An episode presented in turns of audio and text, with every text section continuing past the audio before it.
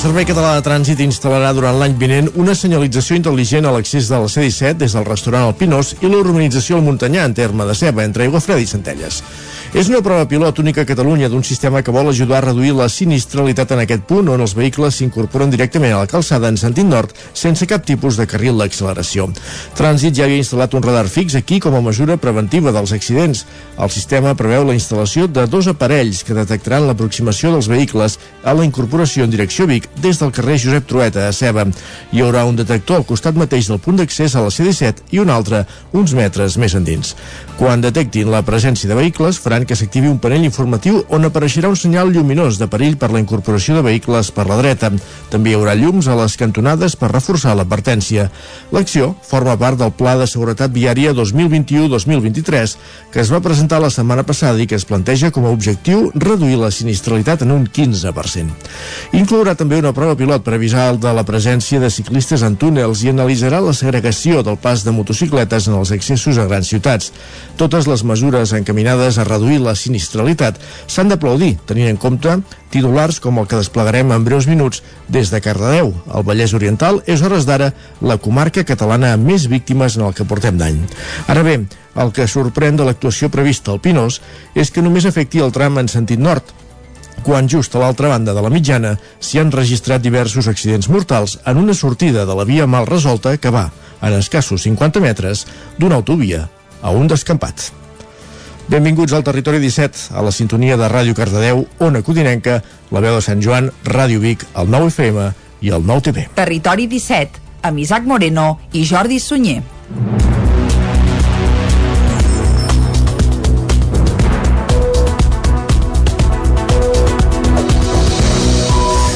Passen dos minuts de les 9 del matí d'avui dimecres, dia 3 de novembre de 2021. Comença ara mateix un nou Territori 17 que avui, com sempre, durant la primera hora us acostarà tota l'actualitat de les nostres comarques. Després, a partir de les 10, actualitzarem la informació, anirem cap a l'entrevista. Avui, Isaac, anirem cap a una codinenca, oi? Correcte, parlarem del decret, de la modificació del decret d'energies renovables per parlar de parcs fotovoltaics amb la Montse Clapés del FANAL, l'Associació Ecologista ecologista del Moianès que, que, que que controla, que, que vetlla per aquesta qüestió. En sabrem tots els detalls a partir de la segona hora aquí a Territori 17 i com que som dimecres, més coses que fem habitualment els dimecres a Territori 17. Llibres. Per exemple, llibres, parlem de literatura, lletra ferits, avui des de Ràdio Cardedeu, oi? Correcte. També parlarem uh, de Territori Sostenible, aquesta secció que ens arriba cada setmana de la mà de Jordi Givert, avui per parlar-nos de les bondats dels olis mitjorn,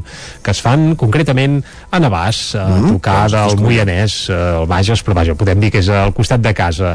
Val a dir, eh, que fa 15 dies em demanaves pel, pels vins de Santa Maria d'Oló, ara ja puc dir que els he tastat. Ostres! I bé.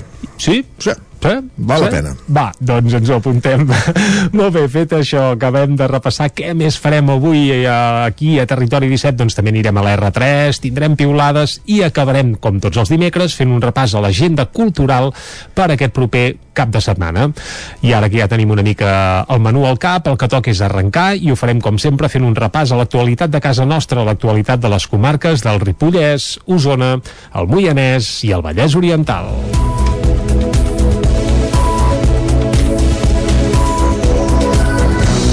L'amic acompanyava el parricida de Ripoll quan va cometre l'assassinat es va lliurar a la policia poques hores després i ja està en llibertat. Isaac Muntades, des de la veu de Sant Joan. Passamunt és el presumpte parricida de només 19 anys que va matar la seva mare a ganivetades aquest diumenge al matí al pis on vivien a l'Avinguda Ripollès va estar fugat sol durant les gairebé 30 hores que van passar entre el crim i la seva detenció dilluns a la tarda a pocs metres del restaurant de Can Dax, a les Llosses, on hi havia molts clients que el van reconèixer quan va aparèixer dins del bosc esgarrinxat i descalç amb les sabates a la mà. Els Mossos d'Esquadra van confirmar a aquesta emissora que el seu amic no està detingut. De fet, el noi es va entregar a la comissaria de la policia de Ripoll a última hora de la tarda de diumenge. Poc poques hores després del crim i actualment es troba en llibertat, ja que la policia catalana no creu que estigui directament relacionat amb l'assassinat. Els Mossos també van confirmar que Passamontes passarà a disposició judicial aquest dimecres al matí per declarar i després el jutge haurà de decidir si el deixa en llibertat, un fet poc probable atesos els delictes que se li atribueixen, o l'envia a la presó. Salut recomana a tots els col·lectius de risc que es vacunin contra la grip durant el mes de novembre.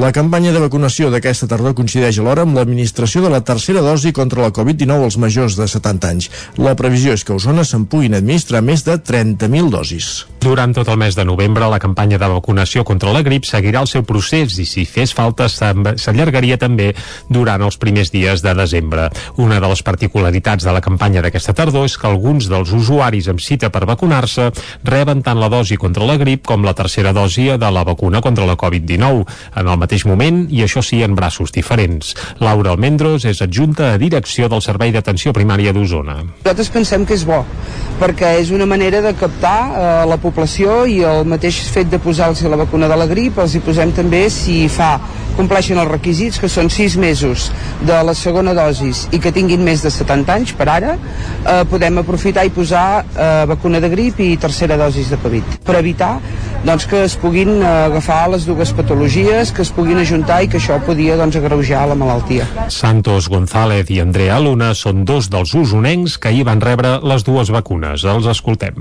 Todos los años pues me vacuno y parece que me va bien, pues no iba a dejar este año para atrás, ¿no? dicen que hay que vacunarse, pues a vacunarse. Los que no entendemos de nada, pues bueno, pues lo que nos digan. Que se facin, que facin la vacuna, sí, perquè hi ha molta gent malalt. Des de Salut es fa una crida perquè totes les persones incloses en la campanya de vacunació de la grip es vacunin el més aviat possible. Això inclou a les persones més grans de 60 anys, aquelles que tenen malalties cròniques o algun factor de risc, dones embarassades o professionals de la salut. El passat 2020 les dades de grip van ser baixes i va haver poca incidència de la malaltia entre la població. A la regió sanitària de la Catalunya Central hi ha previst administrar unes 106.000 dosis entre els col·lectius de risc. A Osona se'n destinarien un 29 29% del total, és a dir, unes 31.000 dosis. El Vallès Oriental és la comarca catalana amb més morts per accidents de trànsit el 2021, tal com avançàvem a la portada. Núria Lázaro, de Ràdio Televisió de Cardedeu. El passat 12 d'octubre moria un conductor en un nou accident a la C-59. És un dels nous que en el que portem de 2021 hi ha hagut al Vallès Oriental, una xifra que la converteix en la comarca amb més morts per accident de trànsit aquest any. A Catalunya, de moment, hi ha hagut un total de 114 persones mortes des de principis d'any en 108 accidents. Durant el mateix període del 2019 van perdre la vida 157 persones en 144 sinistres mortals en una zona interurbana, una xifra que suposa un descens del 27,4% de víctimes. Durant l'octubre han perdut la vida 16 persones a les carreteres catalanes, una dada que suposa una reducció del 23,8% respecte a d'octubre de 2019, quan van morir 21. En tots els mesos hi ha hagut una reducció de la sinistralitat tret del maig i juny, amb 17 i 18 morts respectivament, que concentren prop de la tercera part de les víctimes de l'any.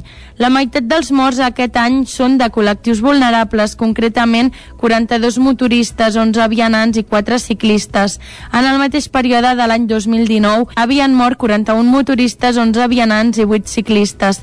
La reducció de víctimes mortals entre els ciclistes és, doncs, del 50%. El Servei Català de Trànsit continua demanant més percepció del risc i consciència de la pròpia fragilitat dels motoristes, ciclistes i vianants, així com respecte i col·laboració a la resta d'usuaris. D'altra banda, cal destacar que dels 42 motoristes morts en guany, el 54,7% han patit accidents a la xarxa viària interurbana de la demarcació de Barcelona. Pel que fa en concret al mes d'octubre, de les 16 víctimes mortals que hi ha hagut en total, 7 eren motoristes. Més qüestions. El Senat espanyol insta a divulgar la figura del biguetà Antoni de Montserrat. La moció promoguda per Josep Maria Reniu es va aprovar amb 26 vots a favor, cap en contra i una única abstenció de la representant del PNB. La Comissió de Ciència, Innovació i Universitats del Senat ha aprovat, a proposta del grup d'Esquerra Bildu, una moció per impulsar la recuperació i divulgació de de la figura i èxits d'Antoni de Montserrat, un jesuïta nascut a Vic al segle XVI que va ser un dels primers occidentals a arribar al Nepal i a fer un mapa de l'Himàlaia. La moció es va aprovar amb 26 vots a favor, cap en contra i una única abstenció de la representant del PNB.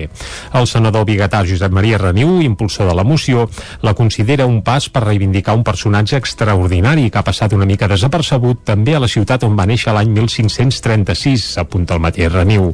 I la prova és que Antoni de Montserrat no figura a la galeria de biguetans il·lustres, malgrat la seva trajectòria, que és extraordinària en el seu temps. Va estudiar a Barcelona, es va ordenar sacerdot a Portugal i amb 32 anys ja va marxar cap a l'Índia. Allà va participar en una expedició a través de l'actual Pakistan i va arribar fins a l'Afganistan. També va recórrer tot el sud de l'Himàlaia i va arribar al Tibet, una fita, perquè és el primer occidental que hi contacta des del mateix Marco Polo al segle XIII. El jesuïta Vigatà també va ser el primer de dibuixar un mapa detallat de l'Himàlaia amb dos centenars de topònims. La moció presentada al Senat, segons Reniu, és una eina per recordar que se l'incorpori a la divulgació científica a tots els nivells. La primera obra en català que va donar a conèixer amb detall la vida d'aquest personatge va ser Ambaixador a la cort del Gran Mongol, viatges d'un jesuïta català del segle XVI, de l'historiador i especialista en el Tibet Josep Lluís Alai, que l'any passat en va parlar també al Festival BBVA de Cinema de Muntanya a Torelló. Parlem ara dels escollits per formar part del Consell per la República, eh, entre els quals hi ha, per exemple, els usonencs Carles Furriols, Eulàlia Servent o Laura Hortós, o Pol Cabotí, de Primàries Codines, escollit com a membre de l'Assemblea de Representants del Consell per la República, com dèiem, Caral Campàs, des d'Ona Codinenca. Sí, les persones registrades al Consell per la República han decidit aquest cap de setmana els membres que formaran part doncs, de l'Assemblea de Representants d'aquest ens. Pol Cabotí, regidor a l'Ajuntament de Sant Feliu de Codines per primàries Codines, ha estat escollit aquest cap de setmana amb 4.148 vots com a membre de la llista de càrrecs electes, com dèiem, del Consell per la República, una llista formada per un total de 121 membres. Entre els candidats més votats hi ha Carles Puigdemont, Clara Ponsatí, Toni Comín, Lluís Puig i Laura Borràs, l'expresident del govern de l'1 d'octubre obtingut 21.086 vots, cosa que implica el suport de la immensa majoria dels 22.584 votants.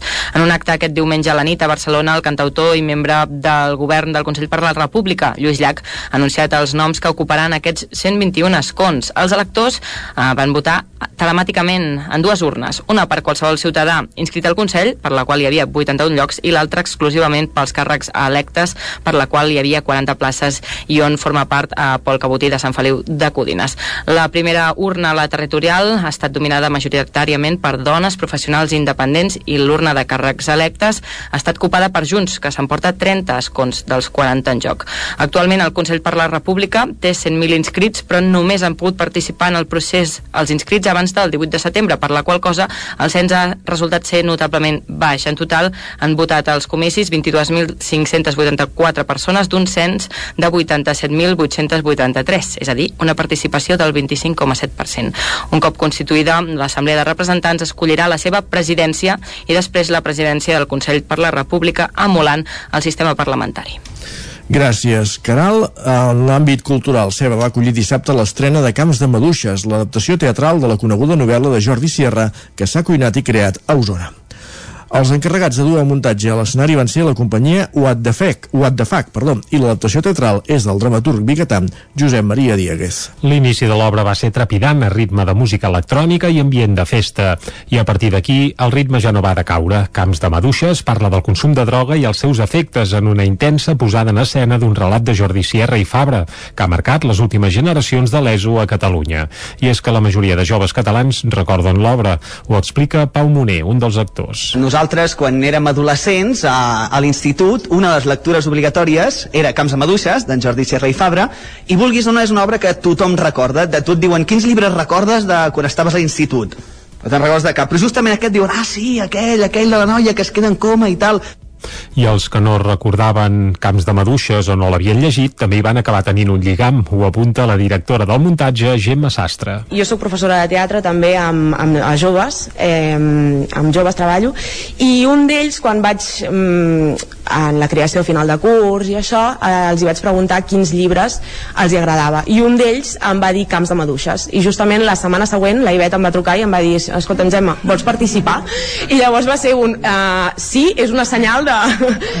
i a partir d'aquí doncs, doncs ja està vam, vaig a llegir el llibre i, i llavors l'obra i de, a partir d'aquí doncs vam anar vam anar muntant.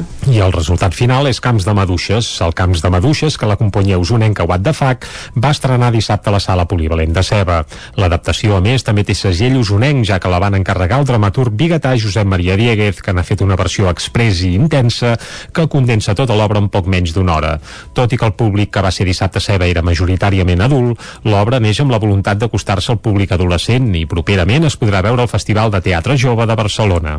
A partir d'aquí, la voluntat de la companyia companyia és fer girar tot Catalunya i dur el muntatge també a centres educatius per fer pedagogia de què comporta el consum de drogues i els efectes que pot tenir.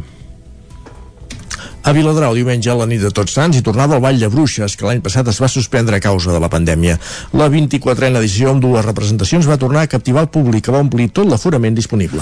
Ple absolut de públic tant a la primera sessió com a la segona, diumenge en les dues representacions programades del Vall de Bruixes de Viladrau. Unes 2.000 persones en total, doncs, van seguir l'espectacle que tornava després d'un any d'absència per la Covid.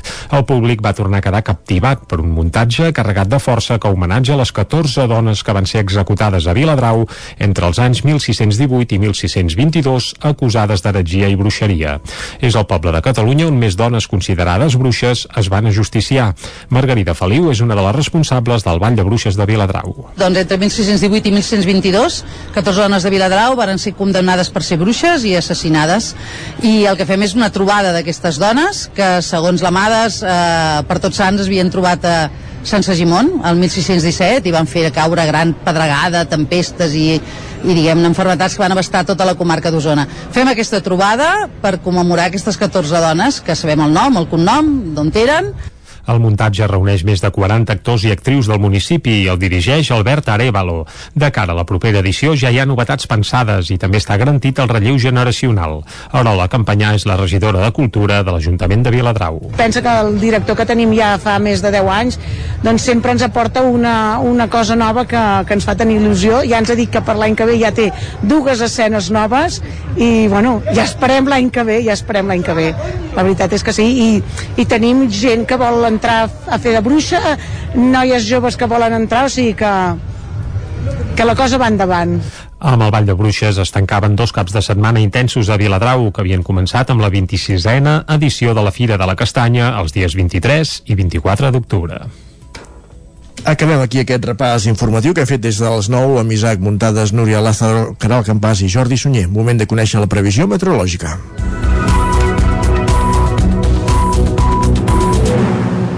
Per això ja tenim a punt en Pep Acosta.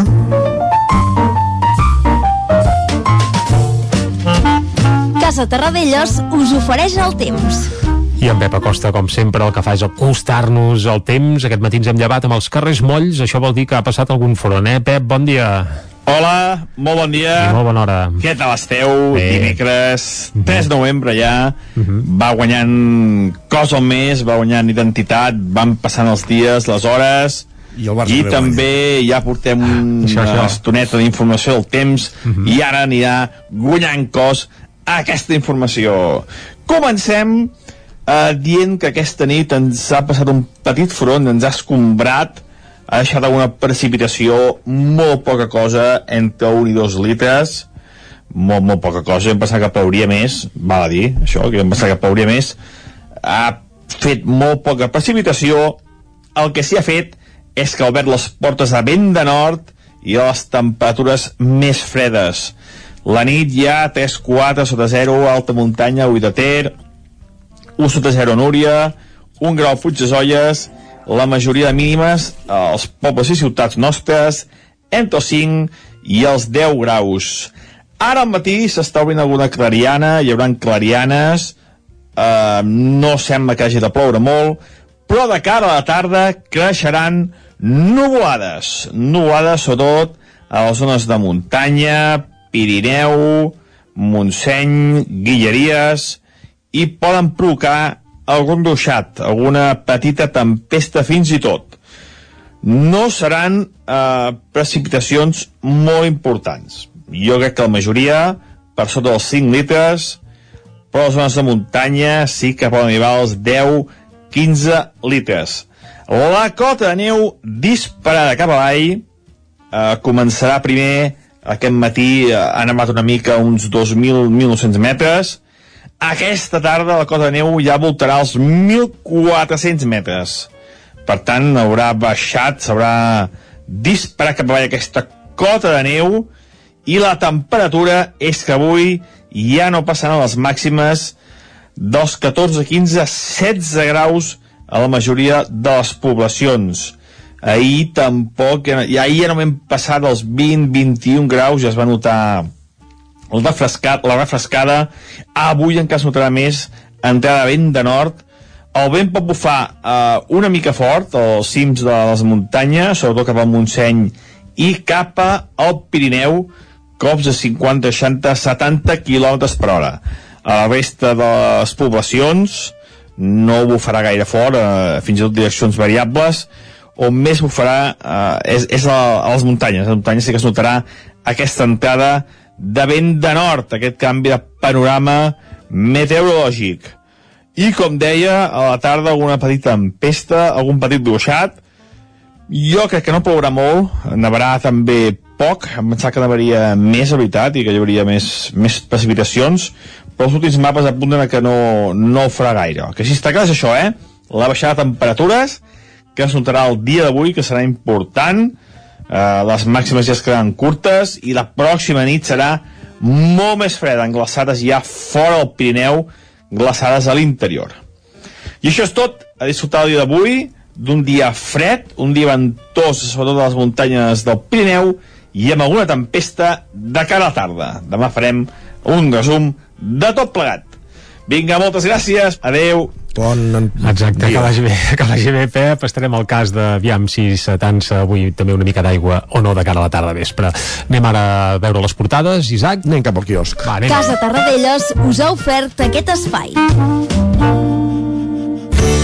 Territori 17. Envia'ns les teves notes de veu per WhatsApp al 646 079 023. 646 079 023. WhatsApp Territori 17.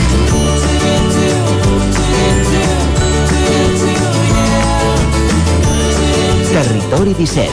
Som a Facebook, Twitter i Instagram amb l'usuari Territori 17.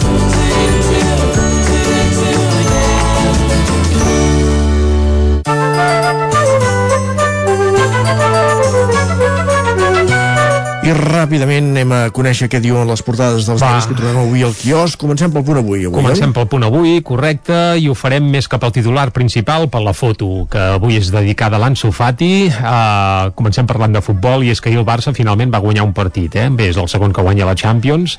El És titular... segon de grup amb dos gols. I ho Sí. trobo fascinant. Bé, 1-0 aquí, uh, 0-1 allà. Ansu Fati rescata el Barça a la Champions. Això titula el punt avui a la foto, on es veu l'Ansu Fati abraçar-se abraçant-se a Minguesa, que és qui li va fer la centrada per poder fer l'únic gol del Barça ahir a Ucraïna, un gol que possiblement li servirà per continuar viu a la Champions en cas que, bé, que no hi hagin accidents a les properes jornades. El titular principal, però, no és pel Barça, sinó per pandèmia social. Les entitats alerten que la crisi dels més vulnerables tot just ha començat i la Covid deixa 800.000 persones sense poder cobrir les despeses bàsiques. Això denuncia el punt avui a la seva portada d'avui. Anem Clara. cap a l'ara. Acord per aturar la desforestació l'any 2030. Aquest és el titular principal. Més de 100 països que tenen el 85% Tampoc dels esperem boscos ja del planeta. ara, no? Sí, no, no, ja seria qüestió d'anar-s'hi posant. Bé, també recordo que a Madrid, a París, és a dir, de trobades d'aquestes Sí, ja se no, sí, fet, sí. de promeses i acords n'hi ha molts i eh, sovint el més calent acaba quedant a l'aigüera, però vaja. De moment diuen acord per aturar la desforestació el 2030. La foto també és pel Barça, el Barça agafa aire a Kiev i Ansu Fati celebrant el 0 a 1. També el PSOE i, i Unides Podem firmen una treva momentània sobre la reforma laboral. Això és el que apunta l'ara a la portada d'avui. Anem cap a l'avantguàrdia. Escrivà planteja cotitzar més per pagar la pensió als baby boomers. La proposta implica una pujada de la quota d'un 0,5% durant un període de 10 anys per elevar els ingressos eh, del sistema. Evidentment, la reforma de la Seguretat Social doncs, que apareix a la portada de La Vanguardia. La foto és PSOE i Podem acorden derogar la reforma laboral del PP amb una foto de les dues ministres que sovint se les tenen, o això sembla. Eh? Topen, I a sota amb un raconet el Barça millora i segueix viu. Això apunta a La Vanguardia també a la portada. Anem cap al periòdico. Escrivà vol més cotització per pagar les pensions en la mateixa línia que La Vanguardia, titulen eh, el periòdico. La foto, però, és per Ansu Fati, que diu el Barça sobreviu. Un gol d'Ansu a Kif permet als blaugranes dependre d'ells mateixos davant del decisiu partit contra el Benfica al Camp Nou. Un partit, un partit on possiblement ja hi haurà Xavi a la banqueta, o no, O- ja es no. veurà, eh? Es veurà. Ja es veurà, ja es veurà.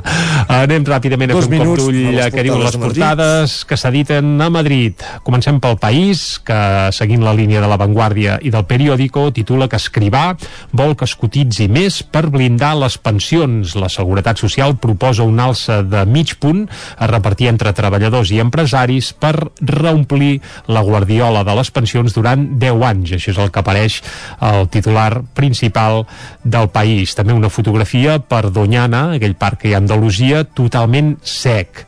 Uh, hi ha una gran sequera no només als aiguamolls de l'Empordà que això és ben cert, o el Pantà de Sau doncs, sinó també uh, bé, a molts racons de l'estat espanyol Mhm. uh, primer abans a Glasgow 103 països es comprometen a emetre menys matar matar, recordem que és aquell gas que entre d'altres fan els pets de les vaques per exemple, exemple. Eh? i no és conya I no només els de les vaques.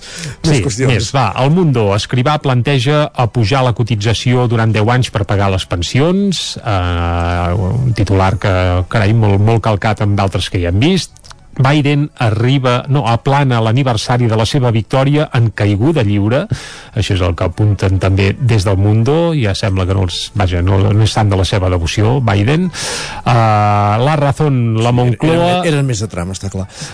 La Moncloa uh, com a sobre Díaz, uh, sobre Díaz, és a dir, la ministra de Podemos, de Podem, de Podem, haurà de cedir a la reforma laboral, ho diuen textual. Uh, per tant, ja, ells ja avancen què passarà. I a l'ABC uh, canvien totalment de, De registre, de de registre l'escrivà no el coneixen i diuen Gènova llença a Almeida contra Ayuso per frenar el seu ascens. Uau. La crisi entre Casado i la presidenta de Madrid pel, lider pel lideratge de la comunitat eh, aboca a unes primàries obertes amb l'alcalde de Rival. Això apunta a la portada de l'ABC d'avui.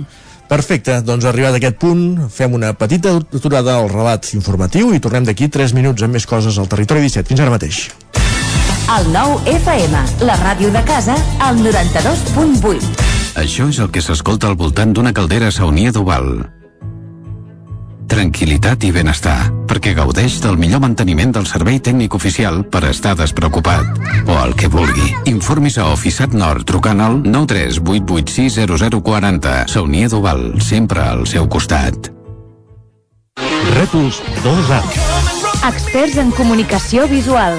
Rètols, banderoles, vinils, impressió, plaques gravades, senyalització, display... Rètols Dos Art. Ja són 25 anys al vostre servei. Ens trobareu a la carretera de Vic a Olot número 7, al polígon Malloles de Vic. dosartvic.com Telèfon 93 889 2588.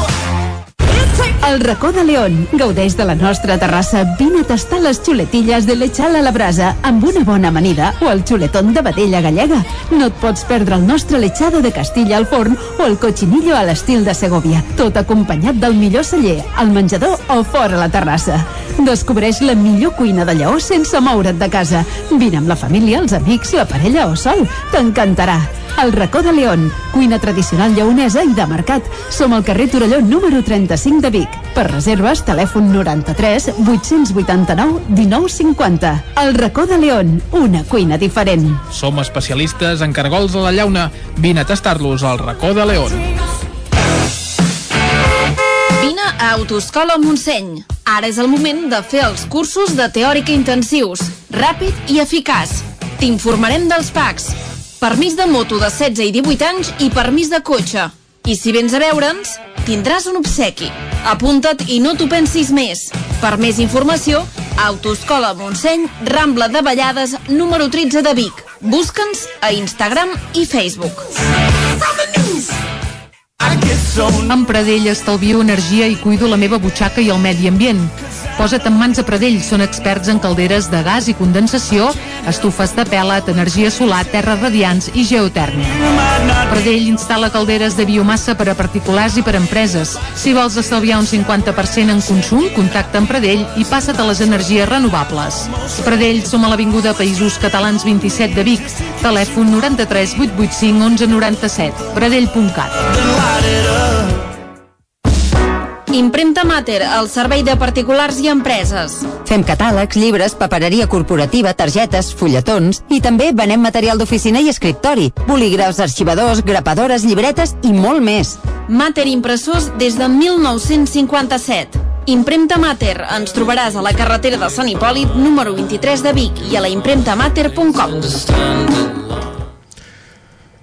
Són dos quarts de deu al territori 17. Territori 17, amb Isaac Moreno i Jordi Sunyer.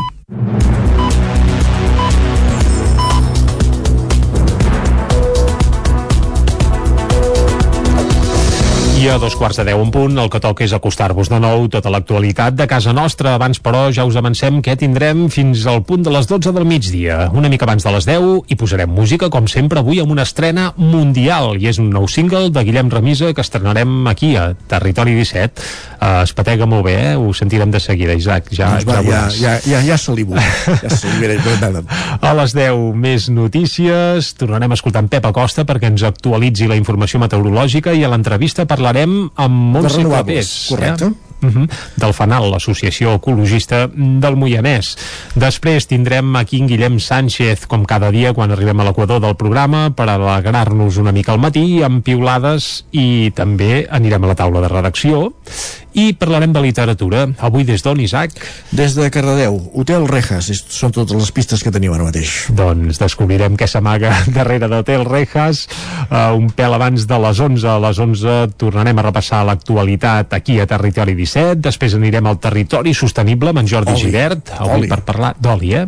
Oli de, mitjorn. mm, de Navàs, crec que és a tocar del Moianès i acabarem com sempre els dimecres anant a la R3 i fent un repàs a l'agenda cultural per aquest proper cap de setmana. Tot això ho farem des d'ara mateix i fins al punt de les 12 del migdia aquí, a Territori 17. I ara el que toca, com sempre, és acostar-vos de nou l'actualitat de casa nostra, l'actualitat de les comarques del Ripollès, Osona, el Moianès i el Vallès Oriental. L'amic que acompanyava el parricida de Ripoll quan va cometre l'assassinat es va lliurar a la policia poques hores després i ja està en llibertat. Isaac Muntades, des de la veu de Sant Joan. Passamontes, el presumpte parricida de només 19 anys que va matar la seva mare a ganivetades aquest diumenge al matí al pis on vivien a l'Avinguda Ripollès, va estar fugat sol durant les gairebé 30 hores que van passar entre el crim i la seva detenció dilluns a la tarda a pocs metres del restaurant de Can Dax, a les Llosses, on hi havia molts clients que el van reconèixer quan va aparèixer dins del bosc esgarrinxat i descalç amb les sabates a la mà. Els Mossos d'Esquadra van confirmar a aquesta emissora que el seu amic no està detingut. De fet, el noi es va entregar a la comissaria de la policia de Ripoll a última hora de la tarda de diumenge, poques hores després del crim i actualment es troba en llibertat, ja que la policia catalana no creu que estigui directament relacionat amb l'assassinat. Els Mossos també van confirmar que Passamontes passarà a disposició judicial aquest dimecres al matí per declarar i després el jutge haurà de decidir si el deixa en llibertat, un fet poc probable atesos els delictes que se li atribueixen, o l'envia a la presó. Salut recomana a tots els col·lectius de risc que es vacunin contra la grip durant el mes de novembre. La campanya de vacunació d'aquesta tardor coincideix alhora amb l'administració de la tercera dosi contra la Covid-19 als majors de 70 anys. La previsió és que a Osona se'n puguin administrar més de 30.000 dosis. Durant tot el mes de novembre, la campanya de vacunació contra la grip seguirà el seu procés i si fes falta s'allargaria també durant els primers dies de desembre. Una de les particularitats de la campanya d'aquesta tardor és que alguns dels usuaris amb cita per vacunar-se reben tant la dosi contra la grip com la tercera dosi de la vacuna contra la Covid-19 en el mateix moment i això sí en braços diferents. Laura Almendros és adjunta a direcció del Servei d'Atenció Primària d'Osona. Nosaltres pensem que és bo, perquè és una manera de captar eh, la població i el mateix fet de posar-los la vacuna de la grip, els hi posem també si fa compleixen els requisits, que són 6 mesos de la segona dosis i que tinguin més de 70 anys per ara, eh, podem aprofitar i posar eh, vacuna de grip i tercera dosis de Covid, per evitar doncs que es puguin eh, agafar les dues patologies, que es puguin ajuntar i que això podia doncs, agreujar la malaltia. Santos González i Andrea Luna són dos dels usonencs que ahir van rebre les dues vacunes. Els escoltem. Todos los años pues me vacuno y parece que me va bien, pues no iba a dejar este año para atrás, ¿no? Dicen que hay que vacunarse, pues a vacunarse. Porque no entendemos de nada, pues bueno, pues lo que nos digan. Que se facin, que facin la vacuna, sí, perquè hi ha molta gent malalt. Des de Salut es fa una crida perquè totes les persones incloses en la campanya de vacunació de la grip es vacunin el més aviat possible. Això inclou a les persones més grans de 60 anys, aquelles que tenen malalties cròniques o algun factor de risc, dones embarassades o professionals de la salut. El passat 2020 les dades de grip van ser baixes i va haver poca incidència de la malaltia entre la població. A la regió sanitària de la Catalunya Central hi ha previst administrar unes 106.000 dosis entre els col·lectius de risc. A Osona se'n destinarien un 29% del total, és a dir, unes 31.000 dosis. El Vallès Oriental és la comarca catalana amb més morts per accidents de trànsit el 2021, tal com avançàvem a la portada. Núria Lázaro, de Ràdio Televisió de Cardedeu. El passat 12 d'octubre moria un conductor en un nou accident a la C-59. És un dels nous que en el que portem de 2021 hi ha hagut al Vallès Oriental, una xifra que la converteix en la comarca amb més morts per accident de trànsit aquest any. A Catalunya, de moment, hi ha hagut un de 114 persones mortes des de principis d'any en 108 accidents. Durant el mateix període del 2019 van perdre la vida 157 persones en 144 sinistres mortals en una zona interurbana, una xifra que suposa un descens del 27,4% de víctimes. Durant l'octubre han perdut la vida 16 persones a les carreteres catalanes, una dada que suposa una reducció del 23,8% respecte a l'octubre de 2019, quan van morir 21. En tots els mesos hi ha hagut una reducció de la sinistralitat tret del maig i juny, amb 17 i 18 morts respectivament, que concentren prop de la tercera part de les víctimes de l'any. La meitat dels morts aquest any són de col·lectius vulnerables, concretament 42 motoristes, 11 vianants i 4 ciclistes. En el mateix període de l'any 2019 havien mort 41 motoristes, 11 vianants i 8 ciclistes. La reducció de víctimes mortals entre els ciclistes és, doncs, del 50%. El Servei Català de Trànsit continua demanant més percepció del risc i consciència de la pròpia fragilitat als motoristes, ciclistes i vianants, així com respecte i col·laboració a la resta d'usuaris. D'altra banda, cal destacar que dels 42 motoristes morts en guany, el 54,7% han patit accidents a la xarxa viària interurbana de la demarcació de Barcelona. Pel que fa en concret al mes d'octubre, de les 16 víctimes mortals que hi ha hagut en total, 7 eren motoristes. Més qüestions. El Senat espanyol insta a divulgar la figura del biguetà Antoni de Montserrat. La moció promoguda per Josep Maria Reniu es va aprovar amb 26 vots a favor, cap en contra i una única abstenció de la representant del PNB. La Comissió de Ciència, Innovació i Universitats del Senat ha aprovat, a proposta del grup d'Esquerra Bildu, una moció per impulsar la recuperació i divulgació de la figura i èxits d'Antoni de Montserrat, un jesuïta nascut a Vic al segle XVI que va ser un dels primers occidentals a arribar al Nepal i a fer un mapa de l'Himàlaia. La moció es va aprovar amb 26 vots a favor, cap en contra i una única abstenció de la representant del PNB. El senador biguetà Josep Maria Reniu, impulsor de la moció, la considera un pas per reivindicar un personatge extraordinari que ha passat una mica desapercebut també a la ciutat on va néixer l'any 1536, apunta el mateix Reniu. I la prova és que Antoni de Montserrat no figura a la galeria de biguetans il·lustres, malgrat la seva trajectòria, que és extraordinària en el seu temps. Va estudiar a Barcelona, es va ordenar sacerdot a Portugal i amb 32 anys ja va marxar cap a l'Índia. Allà va participar en una expedició a través de l'actual Pakistan i va arribar fins a l'Afganistan. També va recórrer tot el sud de l'Himàlaia i va arribar al Tibet, una fita, perquè és el primer occidental que hi contacta des del mateix Marco Polo al segle XIII. El jesuïta biguetà també va ser el primer de dibuixar un mapa detallat de l'Himàlaia amb dos centenars de topònims. La moció presentada al Senat, segons Reniu, és una eina per recordar que se l'incorpori a la divulgació científica a tots els nivells.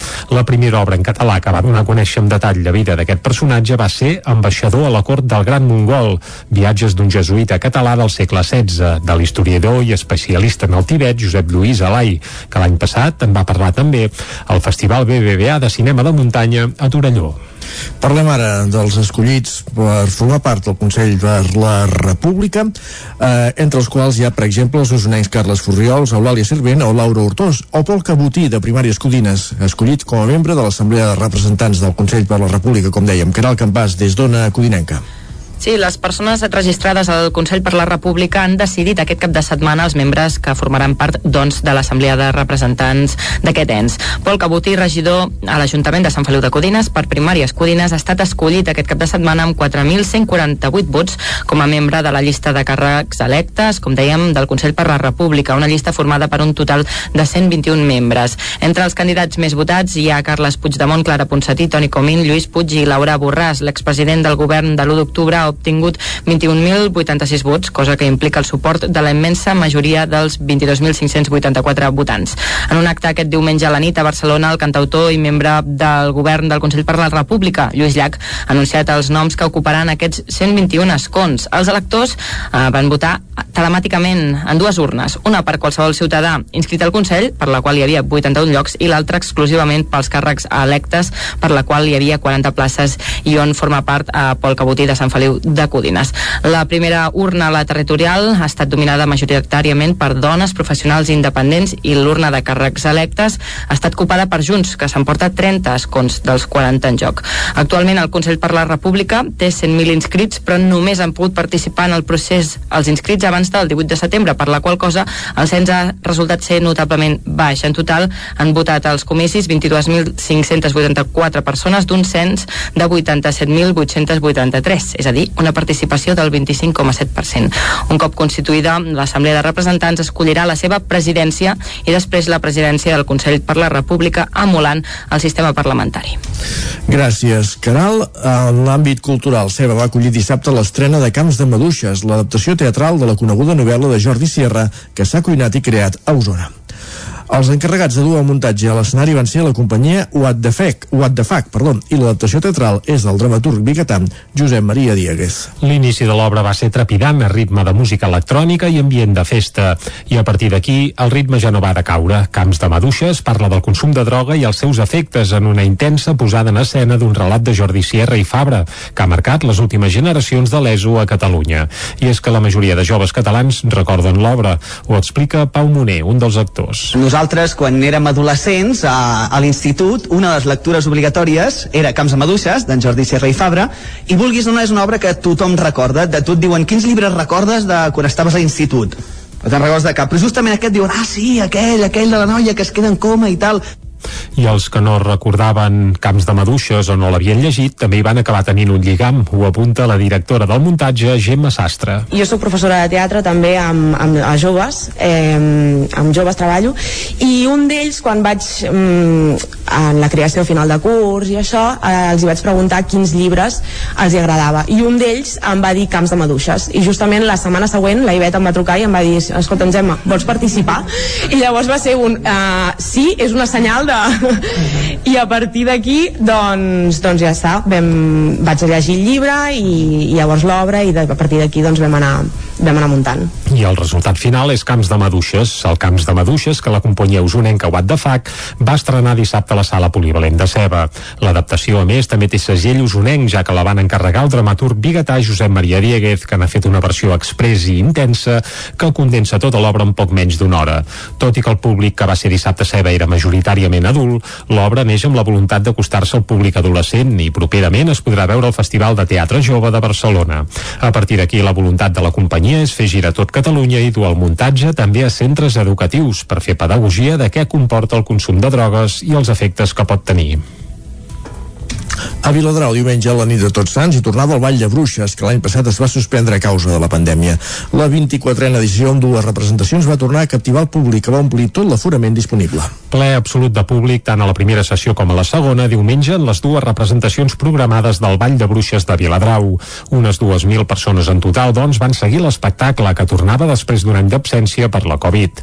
El públic va tornar a quedar captivat per un muntatge carregat de força que homenatja les 14 dones que van ser executades a Viladrau entre els anys 1618 i 1622 acusades d'heretgia i bruixeria. És el poble de Catalunya on més dones considerades bruixes es van ajusticiar. Margarida Feliu és una de les responsables del Ball de Bruixes de Viladrau. Doncs entre 1618 i 1622, 14 dones de Viladrau varen ser condemnades per ser bruixes i assassinades. I el que fem és una trobada d'aquestes dones que, segons l'Amades, eh, per tots sants havien trobat a Sant Segimon, el 1617, i van fer caure gran pedregada, tempestes i, i diguem-ne, enfermetats que van abastar tota la comarca d'Osona. Fem aquesta trobada per commemorar aquestes 14 dones, que sabem el nom, el cognom, d'on eren, el muntatge reuneix més de 40 actors i actrius del municipi i el dirigeix Albert Arevalo. De cara a la propera edició ja hi ha novetats pensades i també està garantit el relleu generacional. Ara la campanya és la regidora de Cultura de l'Ajuntament de Viladrau. Pensa que el director que tenim ja fa més de 10 anys doncs sempre ens aporta una, una cosa nova que, que ens fa tenir il·lusió. Ja ens ha dit que per l'any que ve ja té dues escenes noves i bueno, ja esperem l'any que ve, ja esperem l'any que ve. La veritat és que sí, i, i tenim gent que vol entrar a fer de bruixa, noies joves que volen entrar, o sigui que que la cosa va endavant. Amb el Ball de Bruixes es tancaven dos caps de setmana intensos a Viladrau, que havien començat amb la 26a edició de la Fira de la Castanya els dies 23 i 24 d'octubre. Acabem aquí aquest repàs informatiu que he fet des de les 9 amb Isaac Muntades, Núria Lázaro, Caral Campàs i Jordi Sunyer. Moment de conèixer la previsió meteorològica.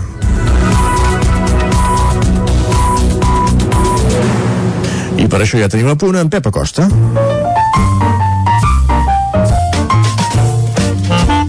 Casa Terradellos us ofereix el temps.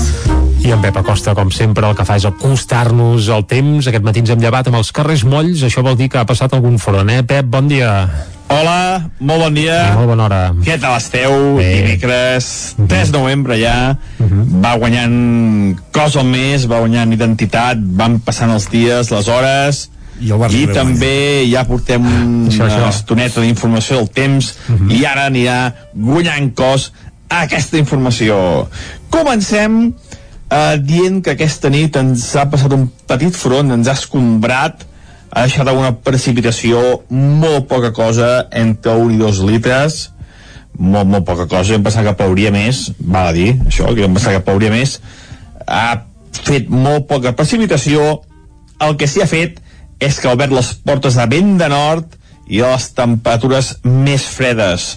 La nit ja 3, 4 sota 0, alta muntanya, Ui de Ter, 1 sota 0 a Núria, 1 grau a Puig de Zolles, la majoria de mínimes als pobles i ciutats nostres, entre els 5 i els 10 graus. Ara al matí s'està obrint alguna clariana, hi haurà clarianes, eh, no sembla que hagi de ploure molt, però de cara a la tarda creixeran nuvolades, nuvolades sobretot a les zones de muntanya, Pirineu, Montseny, Guilleries, i poden provocar algun ruixat, alguna petita tempesta fins i tot. No seran eh, precipitacions molt importants. Jo crec que la majoria, per sota dels 5 litres, però les zones de muntanya sí que poden arribar als 10-15 litres. La cota de neu disparada cap avall eh, començarà primer aquest matí eh, han amat una mica uns 2.000-1.900 metres aquesta tarda la cota de neu ja voltarà als 1.400 metres per tant haurà baixat s'haurà disparat cap avall aquesta cota de neu i la temperatura és que avui ja no passaran les màximes dels 14, 15, 16 graus a la majoria de les poblacions. Ahir tampoc, i ahir ja no hem passat els 20-21 graus, ja es va notar el refrescat, la refrescada, avui encara es notarà més entrada de vent de nord, el vent pot bufar eh, una mica fort als cims de les muntanyes, sobretot cap al Montseny i cap al Pirineu, cops de 50, 60, 70 km per hora. A la resta de les poblacions no bufarà gaire fort, eh, fins i tot direccions variables, on més bufarà eh, és, és a, a les muntanyes. A les muntanyes sí que es notarà aquesta entrada de vent de nord, aquest canvi de panorama meteorològic. I com deia, a la tarda alguna petita tempesta, algun petit ruixat, Jo crec que no plourà molt, nevarà també poc, em pensava que nevaria més, la veritat, i que hi hauria més, més precipitacions, però els últims mapes apunten a que no, no farà gaire. Que sí està clar és això, eh? La baixada de temperatures, que es notarà el dia d'avui, que serà important, eh, les màximes ja es quedaran curtes, i la pròxima nit serà molt més freda, en glaçades ja fora del Pirineu, glaçades a l'interior. I això és tot, a disfrutar el dia d'avui, d'un dia fred, un dia ventós, sobretot a les muntanyes del Pirineu, i amb alguna tempesta de cara a la tarda. Demà farem un resum de tot plegat. Vinga, moltes gràcies, adeu. Bon Exacte, que vagi bé, que vagi bé, Pep. Estarem al cas de, aviam si s'atansa avui també una mica d'aigua o no de cara a la tarda vespre. Anem ara a veure les portades, Isaac. Anem cap al quiosc. Va, anem. Casa Tarradellas us ha ofert aquest espai. Territori 17. Envia'ns les teves notes de veu per WhatsApp al 646 079 023. 646 079 023. WhatsApp Territori 17.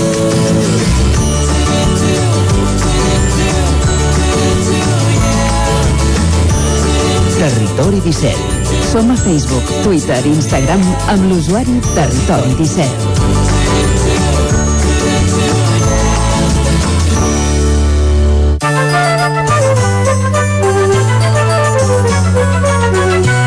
I ràpidament anem a conèixer què diuen les portades dels diaris que trobem avui al quiosc. Comencem pel punt avui. avui Comencem pel punt avui, correcte, i ho farem més cap al titular principal, per la foto, que avui és dedicada a l'Anso Fati. Uh, comencem parlant de futbol, i és que ahir el Barça finalment va guanyar un partit, eh? Bé, és el segon que guanya la Champions.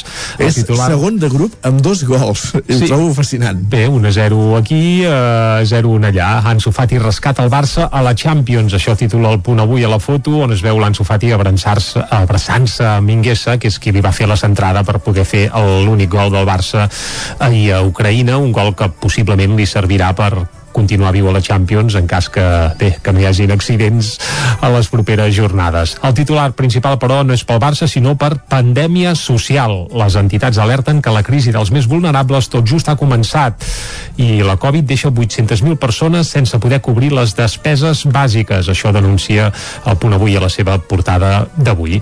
Anem Clara. cap a l'ara. Acord per aturar la desforestació l'any 2030. Aquest és el titular principal. Més de 100 països que tenen el 80 95% no dels boscos del eh, planeta ara, no? sí, no, no, ja seria qüestió d'anar-s'hi posant bé, també recordo que a Madrid, a París és a dir, de trobades d'aquestes sí, ja se n'han no, sí, fet sí. de promeses i acords hi ha molts i eh, sovint el més calent acaba quedant a la iguera, però vaja de moment diuen acord per aturar la desforestació el 2030. La foto també és pel Barça, el Barça agafa aire a Kiev i Ansu Fati celebrant el 0 a 1. També el PSOE i Unides Podem firmen una treva momentània sobre la reforma laboral. Això és el que apunta l'ara a la portada d'avui. Anem cap a l'avantguàrdia.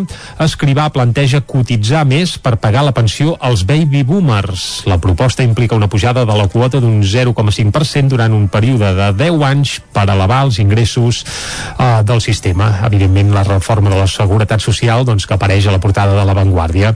La foto és PSOE i Podem acorden derogar la reforma laboral del PP amb una foto de les dues ministres que sovint se les tenen, o Exacte. això sembla. Eh? Topen, això. I a sota amb un raconet el Barça millora i segueix viu. Això apunta a l'avantguàrdia també a la portada. Anem cap al periòdico. Escrivà vol més cotització per pagar les pensions en la mateixa línia que l'avantguàrdia titulen eh, el periòdico. La foto, però, és per Ansu Fati, que diu el Barça sobreviu. Un gol d'Ansu a Kiev permet als blaugranes dependre d'ells mateixos davant del decisiu partit contra el Benfica al Camp Nou. Un partit, un partit on possiblement ja hi haurà Xavi a la banqueta, o no, ja O es no, veurà, eh? es veurà. Ja es veurà, ja es veurà. Anem ràpidament a fer un cop d'ull què diuen les portades que s'editen a Madrid. Comencem pel País, que seguint la línia de l'avantguàrdia i del periòdico, titula que Escrivà vol que es cotitzi més per blindar les pensions. La Seguretat Social proposa un alça de mig punt a repartir entre treballadors i empresaris per reomplir la guardiola de les pensions durant 10 anys. Això és el que apareix al titular principal del país. També una fotografia per Doñana, aquell parc que hi ha a Andalusia, totalment sec. Uh, hi ha una gran sequera, no només als aiguamolls de l'Empordà, que això és cert, o el Pantà de Sau, doncs, sinó també uh, bé, molts racons de l'estat l'estat espanyol. Uh -huh. uh, primer, abans, a Glasgow, 103 països es comprometen a emetre menys matar. Matar, recordem que és aquell gas que, entre d'altres, fan els pets de les vaques, per exemple. Per exemple. Eh? I no és conya. I no només els de les vaques. Sí, més, va, el Mundo, Escrivà planteja a pujar la cotització durant 10 anys per pagar les pensions, uh, un titular que, carai, molt, molt calcat amb d'altres que ja hem vist, Biden arriba, no, aplana l'aniversari de la seva victòria en caiguda lliure, això és el que apunten també des del Mundo, ja sembla que no els, vaja, no, no és tant de la seva devoció, Biden. Uh, la Razón, la Moncloa... Eren, eren més de tram, està clar. La Moncloa uh, com a sobre Díaz, uh, sobre Díaz, és a dir, la ministra de Podemos, de Podem, de Podem, haurà de cedir a la reforma laboral, ho diuen textual. Uh, per tant, ja, ells ja avancen què passarà. I a l'ABC eh, canvien totalment de, de registre, de de registre l'escrivà no el coneixen i diuen Gènova llença a Almeida contra Ayuso per frenar el seu ascens. Uau. La crisi entre Casado i la presidenta de Madrid pel, lider pel lideratge de la comunitat eh, aboca a unes primàries obertes amb l'alcalde de rival. Això apunta a la portada de l'ABC d'avui. Quines coses que passen a Madrid. Sí, ja se sap. Uh, sempre hi ha caliu, sempre, sempre hi ha caliu, ja està bé. Eh? I les portades doncs, ara, clar, se'l miren el, com ara, volen. el, el tet-a-tet Ayuso uh, Díaz uh, com, uh, Almeida Almeida, sí, sí, sí. És a dir, presidenta de la comunitat contra alcalde de Madrid. Ja veurem què acaba passant. Potser al final, puc- escolta, fan veure que es fan eh? amics i fan una llista única, allò que passa a vegades, eh? Vés a saber. Tu què apuntes? Què creus que passarà? Mm, bueno, no ho sé. Mm. Aquesta Ayuso està molt crescuda. Crescudeta, sí. Clar, jo crec que eh, ja ras i curt, eh? la comunitat autònoma de Madrid se li està fent petita. Ves que alguna vegada no la veiem presentant-se com a candidata ja directament a presidir tot l'estat espanyol. D'això és el que té por Sí, a part del partit i Casado. Però ho anirem seguint, com Exacte. sempre, aquí a Parlem Territori música, que 17, però com que ens més. queda una mica lluny, ens acostem a, de nou cap al Territori 17 i avui parlarem d'un músic nostrat que ja hem escoltat alguna vegada aquí a Territori 17, que és el rodenc Guillem Remisa que tu, Isaac, com a rodenc d'adopció segur que coneixes bé, eh? Oh, tant. Doncs el Guillem Remisa cal dir que és un dels músics segurament més afectats per l'esclat de la pandèmia. Per què? Doncs perquè ell va fer una gran aposta amb el seu últim llarga durada, ens enfilarem un, en l'aire, un disc que per cert és molt bo, si no l'heu escoltat doncs feu-ho perquè val molt la pena i aquell disc el va treure concretament a principis del març del 2020 i va tenir temps de presentar-lo a Barcelona amb un concert a la sala de la Sidecar que va ser un festival. El cap de setmana següent l'havia de presentar a Vic però la pandèmia ja no li va deixar fer i des de llavors doncs bé, tot han sigut cancel·lacions suspensions, ha pogut fer algun invent eh, i algun concert, però la veritat és que pràcticament tot el que tenia previst amb la posada en marxa i començar la gira del nou disc doncs eh, els plans se'n van anar en l'aire. I això sí, podia haver cotat el cap però el Guillem com que no és d'aquests doncs va continuar fent la viu-viu va inventar-se nous projectes va pensar un espectacle nou amb el monologuista Godai Garcia que mesclen música i humor i la veritat és que val molt la pena i últimament també s'ha dedicat a treure singles nous que segurament formaran part d'un nou llarga durada que podria arribar l'any vinent. El primer que va fer és versionar una cançó de la Trova Kung Fu que avui també Mhm. estan d'actualitat perquè van ressuscitar diumenge passat els Sí, 40 ho anys del comentàvem la Circ setmana passada, Exacte. correcte. I avui ens sorprèn amb una altra novetat i és una cançó que es diu Si et veig plorar. És una cançó nova que la publicarà avui a la tarda vespre i que nosaltres l'estrenarem en exclusiva mundial. I, per cert, és una cançó que se'n va una mica del que havia fet fins ara el Guillem perquè, home, sempre normalment eren cançons allò amb guitarra clàssica i sí que hi havia banda i algunes més festives, però aquí el que ha fet és com a base ha agafat la guitarra elèctrica, per tant la sonoritat ja canvia i força i agafa un to doncs força home, no esparracat, però sí ballable i festiu Doncs, i si et sembla, doncs, escoltar. fins a arribar al punt de les 10 ens quedem amb aquest Si et veig plorar el més nou de Guillem Remisa que estrenarem aquí a Territori 17 el meu pit quan dic que no vull estar amb tu quan dic que no vull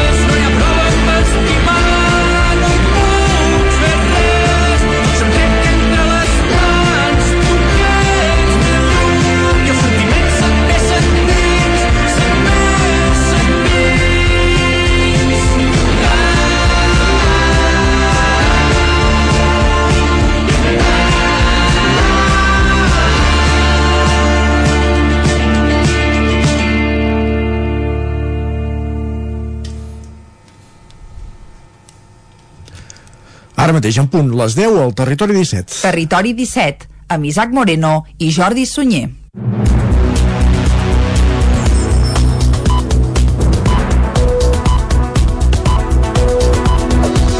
Ràdio Vic, Ona Codinenca, Ràdio Cardedeu, el 9 FM i el 9 TV. Una cinquantena de persones es van concentrar divendres davant l'Ajuntament de Centelles per demanar que les sessions del ple es tornin a retransmetre en directe per internet. Representants dels grups de l'oposició, ara Junts, Fem Centelles i Primàries, van llegir un manifest en què denunciaven el que qualifiquen de greu retrocés en transparència i participació democràtica. Des de l'equip de govern justifiquen la fi de les emissions dels plens per internet perquè l'Ajuntament no hi està obligat legalment i per la incomoditat que generen alguns regidors la cessió dels drets d'imatge. La concentració es va fer just abans del ple extraordinari que va aprovar la modificació de les ordenances fiscals amb un increment de l'IBI del 4%. També s'incrementa la taxa de deixalles als habitatges, que passarà de 115 euros a 125. Precisament el proper mes d'abril i després d'una prova pilot, Centelles posarà en marxa a tot el municipi un nou sistema de recollida de deixalles amb contenidors tancats per a les fraccions d'orgànica, multiproducte i rebuig. Aprofundirem en aquesta qüestió dels contenidors tancats a Centelles a la taula de redacció. Més qüestions. Trànsit provarà una senyalització intel·ligent a la C-17 a l'alçada del Pinós per reduir els accidents. Fins ara ja s'hi havia instal·lat un radar fix com a mesura preventiva. El Servei Català de Trànsit instal·larà durant l'any vinent una senyalització intel·ligent a l'accés de la C-17 pel restaurant El Pinós i la urbanització del Muntanyà entre Aiguafreda i Centelles.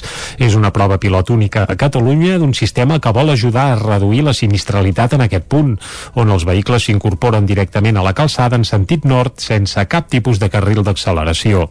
El sistema preveu la instal·lació de dos aparells que detectaran l'aproximació dels vehicles a la incorporació en direcció a Vic des del carrer Josep Trueta, en terme de ceba. Hi haurà un detector al costat mateix del punt d'accés a la C-17 i un altre uns metres més endins. Quan detectin la presència de vehicles faran que s'activi un panell informatiu on apareixerà un senyal lluminós de perill per la incorporació de vehicles per la dreta. També hi haurà llums a les cantonades per reforçar l'advertència. Està previst que aquest panell se situï després del carril de sortida cap al restaurant i sigui visible a prou distància perquè els conductors que circulin per la calçada principal de la C-17 tinguin temps de reduir la velocitat o desplaçar-se cap al carril esquerre per facilitar la incorporació des de l'accés. Aquesta acció forma part del Pla de Seguretat Viària 2021-2023 que es va presentar la setmana passada i que es planteja com a objectiu reduir la sinistralitat en un 15%. Inclourà també una prova pilot per avisar de la presència de ciclistes en túnels i analitzarà la segregació de pas de motocicletes en els accessos a grans ciutats. L'Ajuntament de Ripoll ha destinat més de 133.000 euros en ajudes per a empreses i autònoms des de l'any 2020 per pal·liar els efectes del coronavirus. Isaac Muntades, des de la veu de Sant Joan.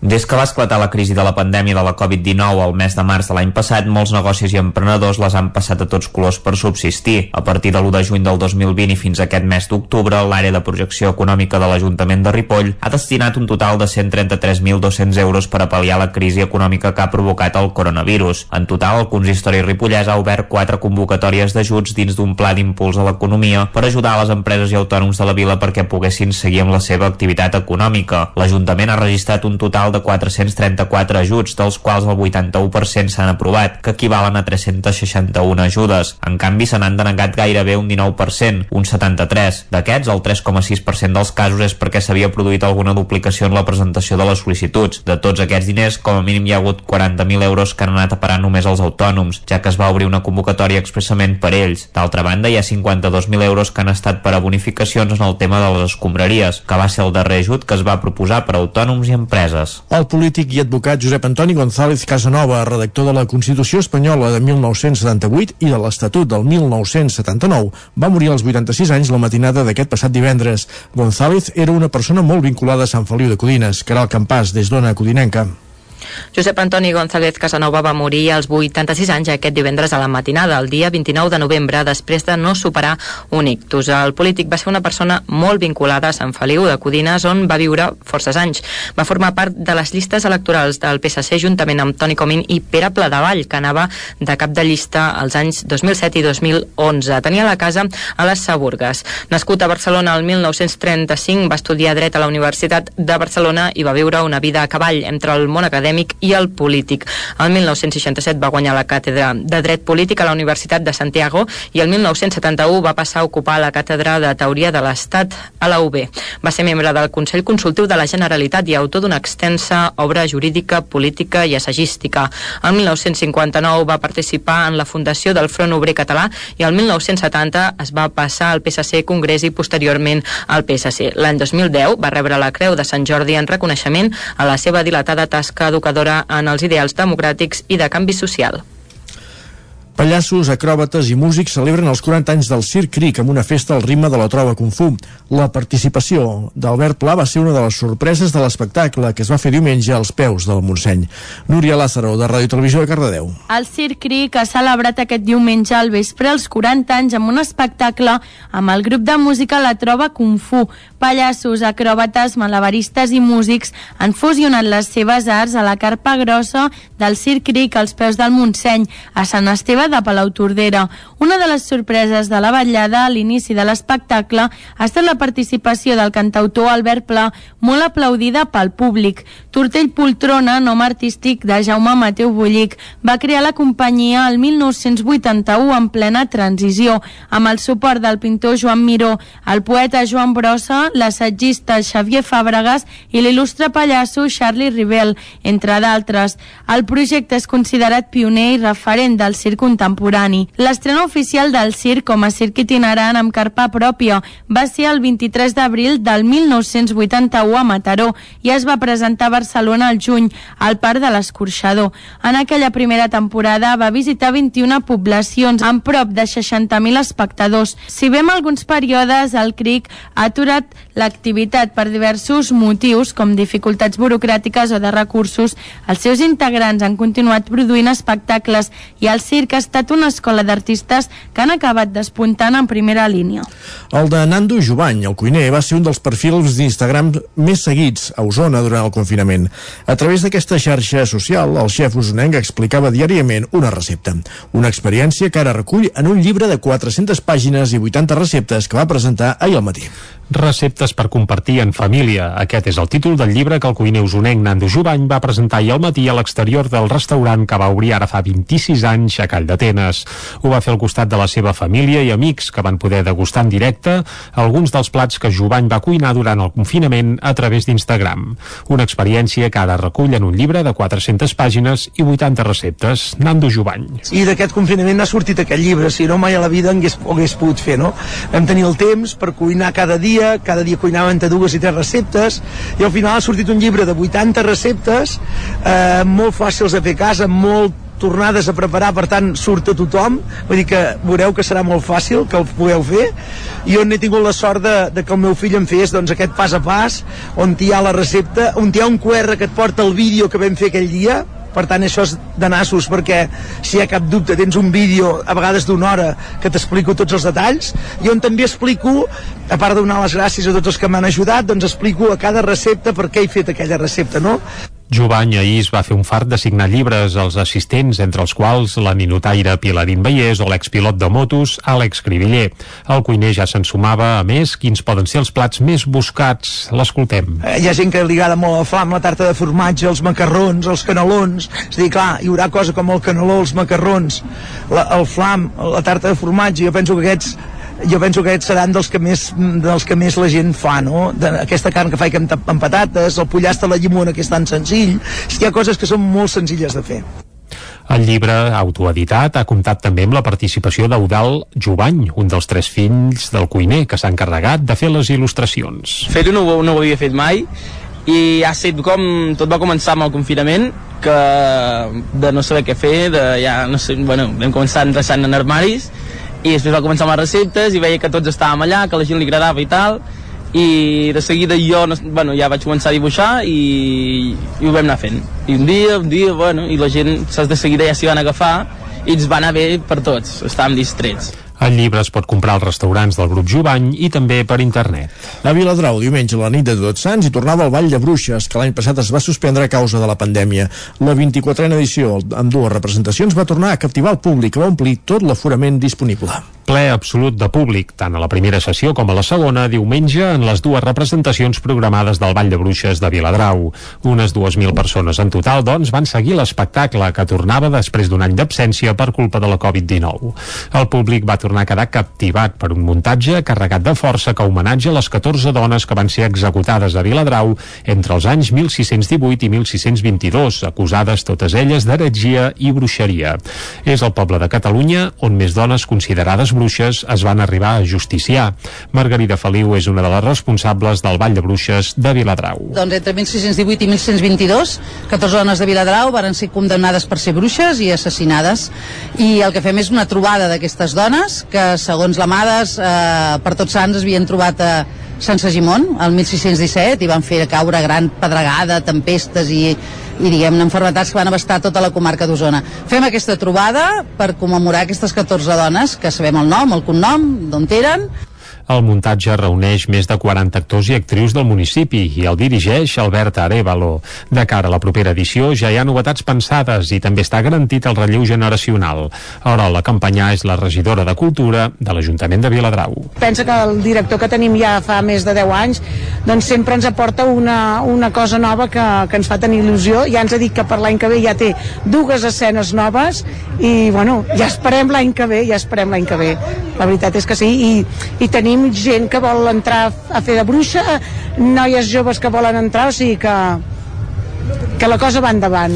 Amb el Vall de Bruixes es tancaven dos caps de setmana intensos a Viladrau, que havien començat amb la tradicional Fira de la Castanya, que es va fer els dies 23 i 24 d'octubre. I Ceba va acollir dissabte l'estrena de Camps de Maduixes, l'adaptació teatral de la coneguda novel·la de Jordi Sierra que s'ha cuinat i creat a Osona. Els encarregats de dur el muntatge a l'escenari van ser la companyia What the Fuck i l'adaptació teatral és del dramaturg biguetà Josep Maria Diegues. L'inici de l'obra va ser trepidant, a ritme de música electrònica i ambient de festa.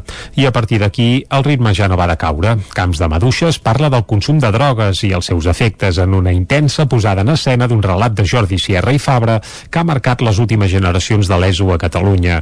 I és que la majoria de joves catalans recorden l'obra, ho explica Pau Moner, un dels actors. Nosaltres, quan érem adolescents, a, a l'institut, una de les lectures obligatòries era Camps de Maduixes, d'en Jordi Sierra i Fabra, i vulguis o no és una obra que tothom recorda, de tot diuen quins llibres recordes de quan estaves a l'institut te'n recordes de cap, però justament aquest diuen, ah sí, aquell, aquell de la noia que es queda en coma i tal, i els que no la recordaven o no l'havien llegit també hi van acabar i, i també, volem dir, van acabar-hi tenint un lligam, ho apunta per exemple la directora del muntatge Gemma Sastre. Jo sóc professora de teatre també amb, amb a joves eh, amb joves treballo i un d'ells quan vaig mm, en la creació final de curs i això, eh, els hi vaig preguntar quins llibres els hi agradava i un d'ells em va dir Camps de Maduixes i justament la setmana següent la Ivet em va trucar i em va dir escolta'm Gemma, vols participar?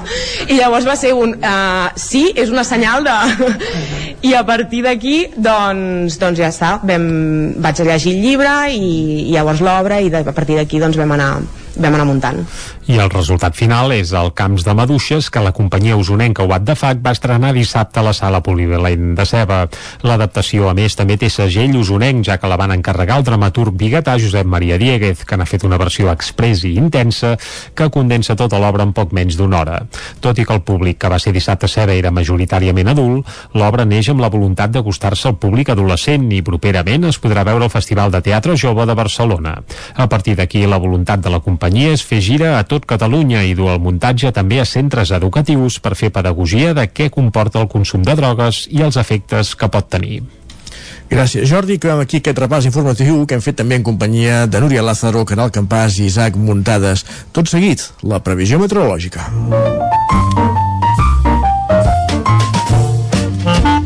Casa Terradellos us ofereix el temps.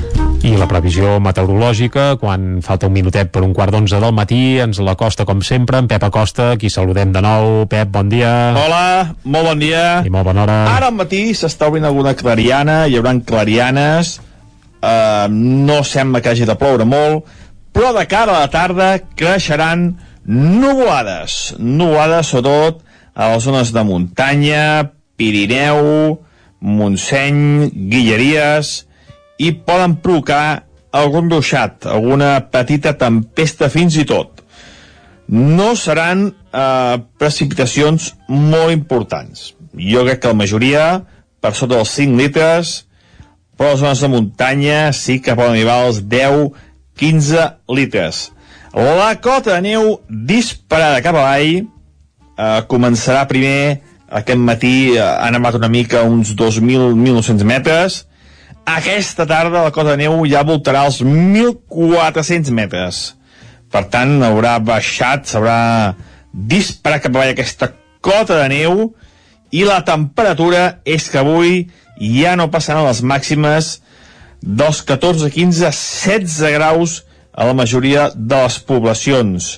Ahir tampoc, i ahir ja no vam passar dels 20-21 graus, ja es va notar el refrescat, la refrescada avui encara es notarà més entrada de vent de nord. El vent pot bufar eh, una mica fort als cims de les muntanyes sobretot cap al Montseny i cap al Pirineu cops de 50, 60, 70 km per hora. A la resta de les poblacions no bufarà gaire fort eh, fins i tot direccions variables. On més bufarà eh, és, és a, a les muntanyes. A les muntanyes sí que es notarà aquesta entrada de vent de nord, aquest canvi de panorama meteorològic. I, com deia, a la tarda alguna petita tempesta, algun petit bruixat. Jo crec que no plourà molt, nevarà també poc, em pensava que nevaria més, a veritat, i que hi hauria més, més precipitacions, però els últims mapes apunten a que no, no ho farà gaire. Que sí està clar és això, eh? La baixada de temperatures, que es notarà el dia d'avui, que serà important, eh, les màximes ja es quedaran curtes i la pròxima nit serà molt més freda, en glaçades ja fora del Pirineu, glaçades a l'interior. I això és tot, a disfrutar el dia d'avui, d'un dia fred, un dia ventós, sobretot a les muntanyes del Pirineu, i amb alguna tempesta de cara a tarda. Demà farem un resum de tot plegat. Vinga, moltes gràcies, fins demà. Adeu. Que vagi molt bé, Pep. Va, demà eh, et saludem, et saludem de nou i ens acostes, com sempre, la informació meteorològica. I ara aquí a Territori 17 és el moment d'anar cap a l'entrevista. Casa Tarradellas us ha ofert aquest espai.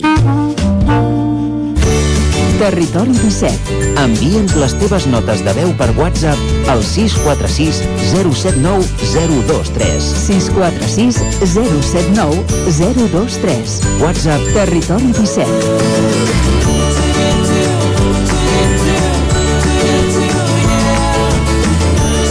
Territori 17. Som a Facebook, Twitter i Instagram amb l'usuari Territori 17.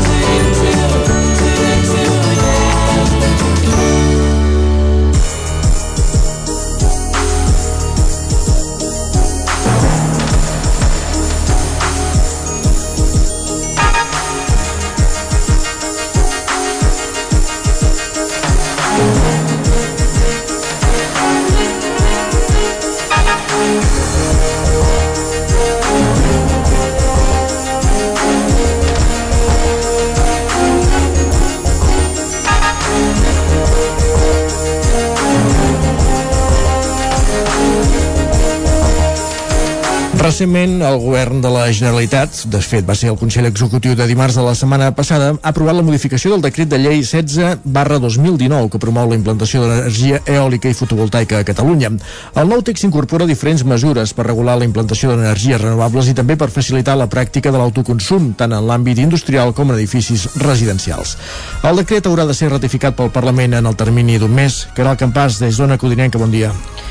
Hola, bon dia. Doncs sí, davant d'això, diferents veus d'entitats ecologistes s'han fet sentir per denunciar el que consideren un, un perill pel territori i l'entorn. Entre d'altres qüestions, el decret regula la instal·lació de macroparcs que, segons aquestes entitats, poden causar danys irreparables en l'entorn natural. Per tot això, parlem amb Montse Clapés, de l'entitat ecologista al Fanal del Moianès. Uh, bon dia, Montse.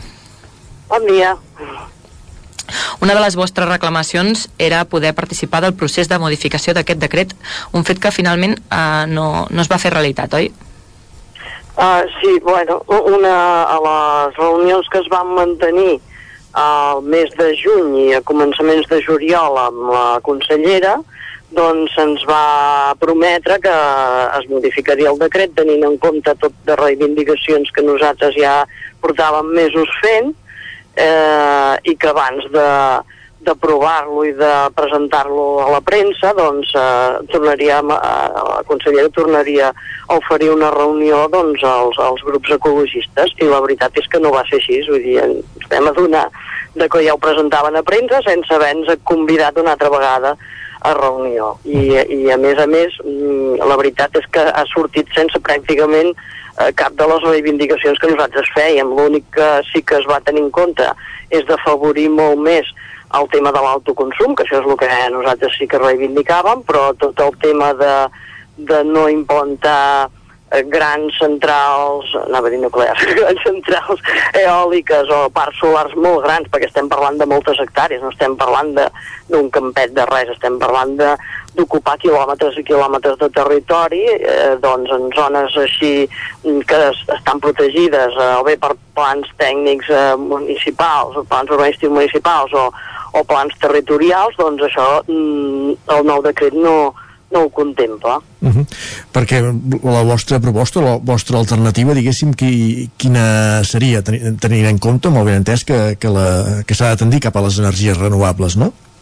Sí, sí, i tant. I a més és que el bo és que els grups ecologistes som, eh, vam ser els primers ja als anys, a finals dels anys 80 i començaments dels anys 90, que ningú parlava de, de canvi climàtic, bueno, només en parlàvem nosaltres, com qui diu, i anàvem dient que s'havia de tendir cap a les energies renovables, ningú ens feia cas.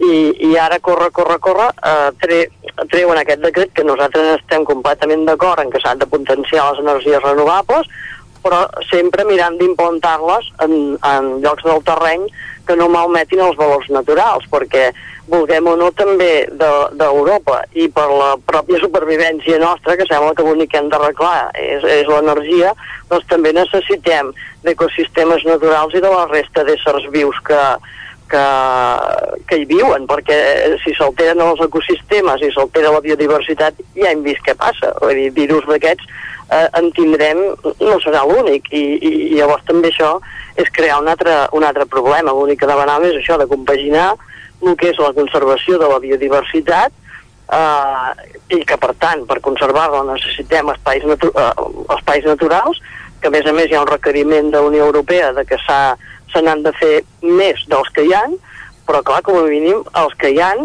doncs que, que estiguin protegits de veritat, que, que primer que no ho estan, ja no només per aquest tema, sinó per molts d'altres, que ho portem reivindicant des de fa molts anys, i, i, bueno, i que no, que no se'ns escolta. Mm. Al Moianès de moment no hi ha cap macroparc, però tot i això a Calders sí que s'ha projectat una mena, un espai, no? No sé si ens pots detallar per quin moment passa aquest projecte de Calders. Bueno, Calders eh, ens vam assabentar, que això és una mica el problema, que ens vam anar assabentant de projectes que hi havia, mm, no, no només al Moianès, sinó a la resta de territori, ara ja parlo en nom de, de tots els grups, eh, així anar mirant els docs i anar mirant documents de, dels ajuntaments, com si féssim d'espies, vull dir que la nostra participació en aquest cas ha sigut, no s'ha comptat per res. Llavors, en el cas de Calders, eh, la primera notícia que ens vam assabentar és perquè uns quants propietaris uh, d'allà on volien instal·lar el parc, doncs els, els van anar a veure, senyors amb, amb, amb malatins, com qui diu, que, per comprar-los els terrenys o per, o per dir-los i, i a més a més dient-los que si, encara que ells no volguessin, que ja hi havia uns quants propietaris que volien, que ho farien igualment, que aquest és un altre problema, que poden expropiar i fer tot de coses. Uh, en el cas de Calders, uh, ara està tot bastant a més stand eh, perquè estava a l'espera de que sortís un nou decret i no es podien tirar endavant més projectes. Uh, el, en el cas de Calders corrien uh, tres projectes diferents, però que, que eren colindants i que al final acabaven afectant 100 hectàrees. Vull dir que, déu nhi 100 hectàrees uh, són eh, 100 camps de futbol, vull dir que és una extensió considerable. El que sí que... Uh, eh, perdona. Digues, digues. No, no, el que sí que preveu el d'aquest, o que intenta incentivar són aquests petits, mm, diguem petits, aquests parcs de fins a 5 megawatts, diguéssim, per, per anar implantant en diferents sí. puntets, de, Sí. com bolets, a, a diferents punts del territori. Vosaltres estaríeu d'acord a assumir un parcs d'aquests als municipis del Moianès? a- a- Aquests sí, aquests, est- aquests és una altra dimensió. I sempre i quan també, eh, a veure, mirem on, to, on els posem, perquè clar, no, no, si encara que sigui petit, si el fiquem allà en un lloc que ja està protegit per, per PEI, no per pla territorial, perquè hi ha unes espècies molt eh, de vegetació, de fauna, molt mm, que no estan en lloc més, però esclar, segurament que aquest petitet es pot posar a un altre lloc. L'ideal, pensem nosaltres, seria Uh, ja que no s'ha fet una planificació a nivell de tot Catalunya, que el lògic seria que s'hagués fet, igual que hi ha la planificació on s'han d'instal·lar les zones industrials, per on han de passar les carreteres, mirant de no malmetre els espais naturals, que per això es van, es van protegir com a espais naturals, mm, doncs uh, si, si no es fa a nivell de Catalunya, o no hi ha la voluntat de fer-ho, que sembla que no, que és el que demanàvem, doncs com a mínim a nivell de comarques, eh, reunir-nos a tots, a tots els agents que hi estem implicats, i valorar quin seria, què ens fa falta, quins serien els llocs més adients per instal·lar aquests petitets. I, Caral, última pregunta? Um, sí, bé, ràpidament, uh, o sigui, una de les qüestions que preveu el decret eh, és que els promotors estan obligats a, acredi- a, a informar públicament del projecte, no? a que tothom ho sàpiga. Sí, uh, Valoreu aquesta mesura positivament, com ho veieu? Així, ràpid, perquè ens queda poc temps. Sí, bueno, és que això en principi ja és obligatori per llei en, en tots els projectes. Ha de sortir a exposició pública, s'ha d'informar, depèn de com ho facin. Uh, perquè ara l'últim, bueno, no només d'això, sinó que surten molts projectes que la seva informació és que surt publicat als diaris oficials i si no tens algú allà que te'ls miri, mm, doncs no t'enteres. Llavors depèn de com es faci aquesta, aquesta informació, que no, no, no, el decret no acaba d'explicar tampoc. Doncs veurem com evoluciona tot plegat. Montse, moltes gràcies per ser avui amb nosaltres al, al Territori 17 per parlar de- de- d'aquest de, decret de, de renovables que aprovava la setmana, aquesta modificació que aprovava la setmana passada el govern des del punt de vista de, del territori, en aquest cas des del Moianès. Gràcies Molt bon bé, dia. mo- moltes, moltes gràcies a vosaltres per deixar-nos-ho explicar. Bon dia. I també, Caral, gràcies per ser amb nosaltres en aquesta entrevista a quatre mans. Uh, continua el Territori 17. Tot seguit fem una petita pausa. Seran 3 minuts i tornarem a partir de dos quarts amb els continguts habituals. A partir de dos quarts d'onze, piolades, taula de redacció i el Lletra Ferits. Avui anirem fins a Cardedeu. Fins ara mateix. El nou FM, la ràdio de casa, al 92.8. Saps què és el confort intel·ligent?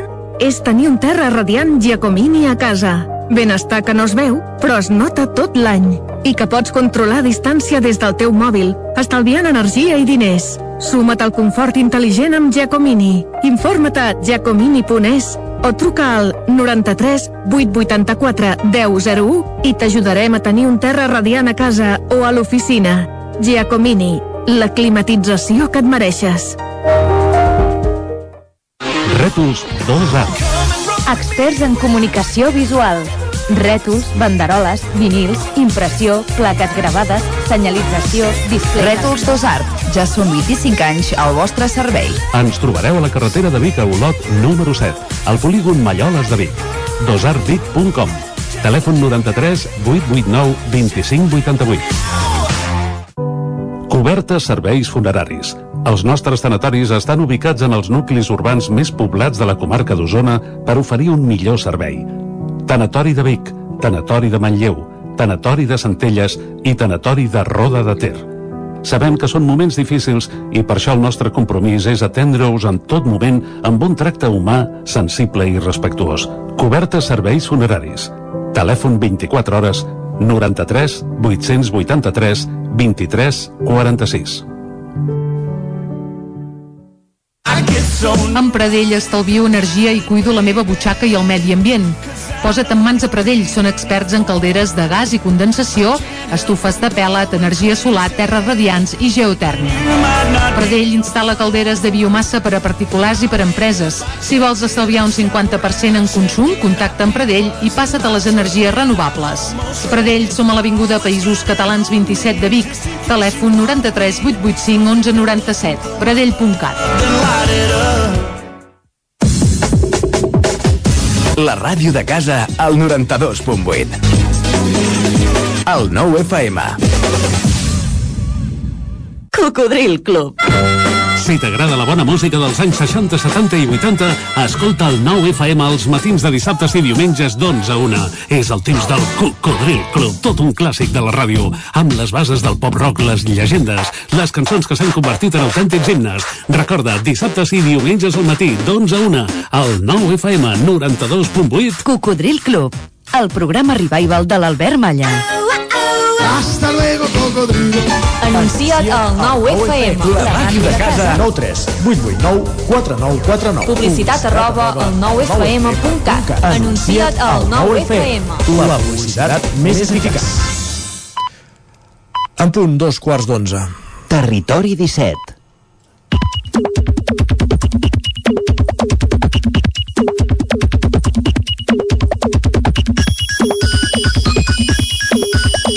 I a aquesta hora, com cada dia, és moment de repassar piolades. Jordi, en companyia de qui estàs avui a l'estudi? Home, de Guillem Sánchez, avui i sempre, cada dia, quan arribem a l'equador de Territori 17, el tenim aquí, uh, per posar-hi una mica de, de salsa a tot plegat, eh? Guillem, bon dia. Correcte, bon dia Jordi, bon dia Isaac. Ah, uh, què hem de celebrar avui? Que l'Anso Fati va fer un gol o per on van les piolades? En parlarem d'aquí a dues piolades, però abans ens hem de fer ressò del gran cap de setmana que va tenir en Pere, que ho va deixar escrit ahir, per tant ens en fem ressò avui En nosaltres, quin- quin correcte. Pere? Ara, pla. En Pere, en Pere potser de la, de la cullera perquè va, va tenir quatre dies que potser són, han, han estat dels millors de la seva, de la seva vida, diu. Ai, ai.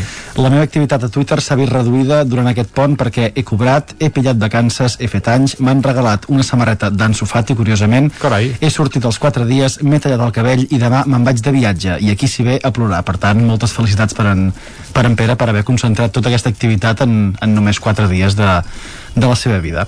Molt bé. Qui no està tan content és l'usuari la Iani Gran, que aquest matí, quan ha sortit a passejar el gos, s'ha trobat amb aquesta situació. Diu, Ei, gent de Vic que passegen gossos, es diu anella verda, no anella de merda. Estic convençuda que encara que l'Ajuntament posés alguna paperera més, que no hi faria cap nosa, els qui no recullen mai la merda tampoc la recollirien, però és que trobes merda al mig del camí. Per tant, demanem a la gent que sigui una mica més, més conscient quan passeja els gossos i que no costa res recollir els excrements quan, Sí, molta gent es coses. pensa que a l'anella verda, com que allò ja és, ja és com si fos el bosc, ja no cal, no? Ja no I, sí, correcte. sí, Clar, en i sí que cal. I circula més gent per allà que depèn quin carrer de Vic. També, també s'ha de dir això. Doncs va, entrem ràpidament a la secció de comentaris postpartits del Barça. Comencem amb el d'en Rafa, que diu acabo de celebrar corrent pel passadís un gol al Dinamo de Kiev a la fase de grups de la Champions. Em vull morir. En Jordi Ras i Curt també comenta, diu avui s'havia de guanyar i s'ha guanyat, bona nit i també el comentari que fa l'Andreu que ens dona motius per ser optimistes amb un jugador, diu Dembélé, vintena vegada que faig un esforç per intentar confiar-hi Bueno, quan va sortir es va notar, eh? Es va notar, això sí, això sí. Però vaja, aviam quan triga a tornar-se a trencar, pobre, perquè suposo que això és no, el més habitual. suposo que no es van fer apostes a cap casa de ningú de dir a veure quants partits aguanta eh, abans que Bé, ja, torni. ja ho he deixat anar, però, però no, no, no, creuem els dits i tant de bo n'hi hagi per uns quants mesos de Dembélé. Uh, Quedar-se a veure partits del Barça per al tele però pot tenir conseqüències durant el matí següent, això és el que li ha passat avui a l'Eric, diu bon dia, ja ho diuen que la línia entre posposar l'alarma o parar-la és massa fina, fa una hora que us hauria d'haver saludat mm. doncs eh, creiem que l'Eric s'ha adormit avui però bueno, si més no ha tingut Potser encara no té clar el tema del canvi horari, eh, que es va haver de fer aquest cap de setmana. si més no, ha, ha, tingut dos minuts per entrar a Twitter i, i deixar-ho escrit que, que també és important. I canviem de temes. A vegades, que, a vegades que et preparin el sopar no és una cosa tan útil i agradable com podria semblar d'entrada. No sé què faria una, en una situació així com la que deixa escrita la Gemma. Diu, la meva filla petita m'ha preparat un wrap, posa aquí, W-R-A-P, que no sé què és això, amb coses. Diu, mentre me'l menjo li pregunto com s'ho ha fet per esmicolar el feta si li fa molta mania el formatge. Diu, m'he posat els guants de fregar. Els guants de fregar, diu, vomito. un wrap és un, un kebab, no? Una... Sí, jo crec que sí, eh? És una espècie de kebab plegat, allò així sí. com un xurro, eh? Però vaja, deu, una mica deu portar més. formatge, deu portar verdura, Sí. deu portar Correcte. moltes coses dintre, suposem. Sí, sí. I aquella salsa i aquelles coses. Sí, sí. Picant o no? Clar, depèn. Això va al gust del consumidor. Depèn del que haguessin fregat també els guants abans. Depèn Això de... és l'altre tema, sí, sí. Mentrestant, la Noemí aprofita les xarxes per donar-nos una notícia. Diu he decidit que aquesta setmana faré l'última roda de reunions per organitzar les curses adaptades molta gent en contacte perquè els comparteixi la meva experiència però la realitat és que ja no puc mantenir aquest ritme passo el relleu consti que estic feliç i molt agraïda doncs a veure si algú li agafa el relleu ben aviat a la, a la Noemí Doncs, precisament aquesta setmana parlàvem aquí a Territori 17 de que aquestes curses adaptades s'estenen i que ara arribaran també a Ripoll, on ja en volen fer una. doncs a veure si algú agafa el testimoni també i continua amb aquesta bona tasca qui O també... que li donguin un cop de mà, també, i, tant. ja està bé. I qui també ha fet molt pel país és aquest usuari que escriu acabo d'escriure llurs en un informe i vosaltres què heu fet avui per Catalunya? Així de, de fàcil, però el més interessant són les respostes, per Home, exemple. Si hem de salvar Catalunya escrivint llurs pel món, eh, ho tenim clar, eh? Però La, vaja. la Carla li respon justament avui he ensenyat llurs i sengles als alumnes de batxillerat i citant Charango. Encara riuen. En Valentí diu jo he posat quelcom en un mail i mentrestant en Santi diu m'has animat i acabo d'escriure de vell antubi. Que Mare de Déu, senyor, Que molt jo, bé. jo ja no sé què vol, què, què vol dir això, però bueno, si més no queda... És que fa queda molt escrit. temps, Guillem. Fa molt temps. que precisament va, va per aquí, eh? Moltes gràcies per posar-nos al dia com si fossis la Cristina Enfruns avui. Això Però serà demà. serà demà que ens visitarà la Cristina. El que no esperarem a demà, Isaac, és a fer un cop d'ull a les portades al Doncs nou.cat. Ràpidament, comencem per l'edició d'Osona i el Ripollès, que obre explicant que la investigació apunta que el detingut per matar la mare a Ripoll la va atacar amb dos ganivets diferents. Això titula ara mateix el 99.cat. També que Nando Jovany recull en un llibre les receptes del confinament. N'hem parlat avui a, al butlletí informatiu i que Trànsit provarà una senyalització intel·ligent a la C-17 a l'alçada del Pinós per reduir les topades i els accidents. Anem a l'edició del Vallès Oriental, que ara mateix obre explicant que l'Ametlla del Vallès encarrega un estudi a la Universitat Politècnica de Catalunya sobre l'impacte ambiental d'una caldera de biomassa a Can Muntanyola.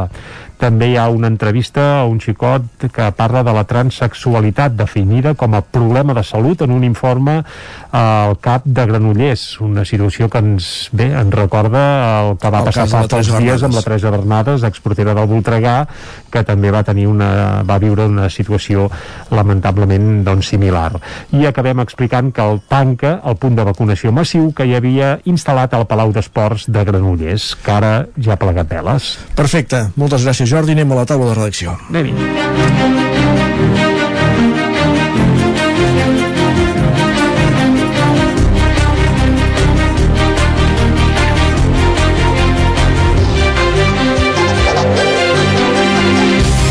I a la taula de redaccions hi esperen en Guillem Freixa i en Jordi Vilarrodà. Amb en Guillem Freixa per parlar de més que del ple de Centelles del passat divendres, d'una de les mesures que es posarà en marxa en breu en aquesta localitat del sud d'Osona, que són aquests contenidors de deixalles intel·ligents per anar millorant el sistema de recollida de- d'escombraries, oi, Guillem? Sí, e- efectivament, eh? en el ple de Centelles de divendres passat van passar dos punts vinculats a la recollida de deixalles. Un era l'aprovació del plec de condicions per a aquest nou servei de recollida de deixalles i el segon era un eh, acord de governança entre les forces polítiques de Centelles per remar tots junts en aquest nou model que s'ha d'implantar.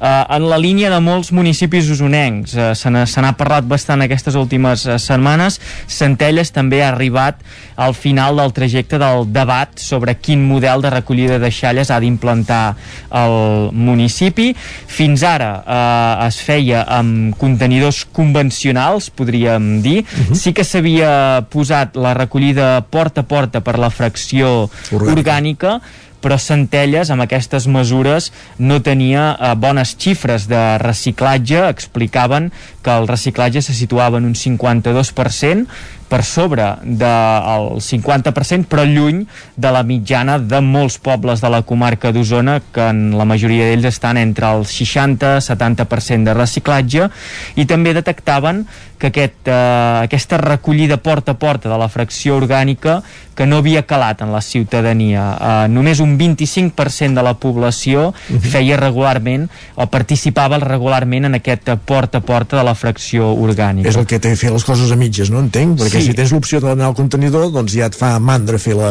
Exacte. fer el que toca, no? Sí, un, un tema de, també de consciència ciutadana. Al cap sí, sí, i, a la fi es prenen decisions polítiques, però qui té la principal responsabilitat en aquest tema és la ciutadania.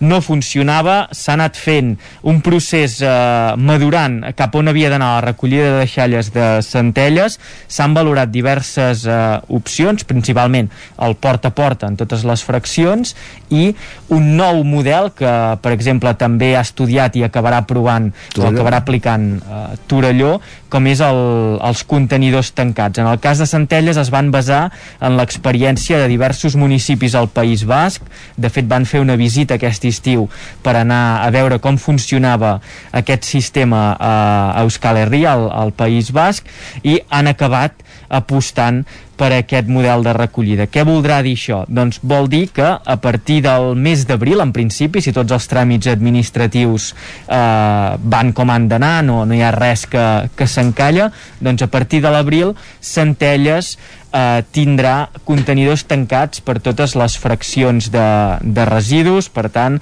el multiproducte, l'orgànica i el, la fracció resta, i amb això què és el que es vol aconseguir? Doncs el que es vol aconseguir és eh, augmentar aquest percentatge de reciclatge en el municipi de Centelles, com dèiem, un dels més baixos de la comarca d'Osona eh, fins ara.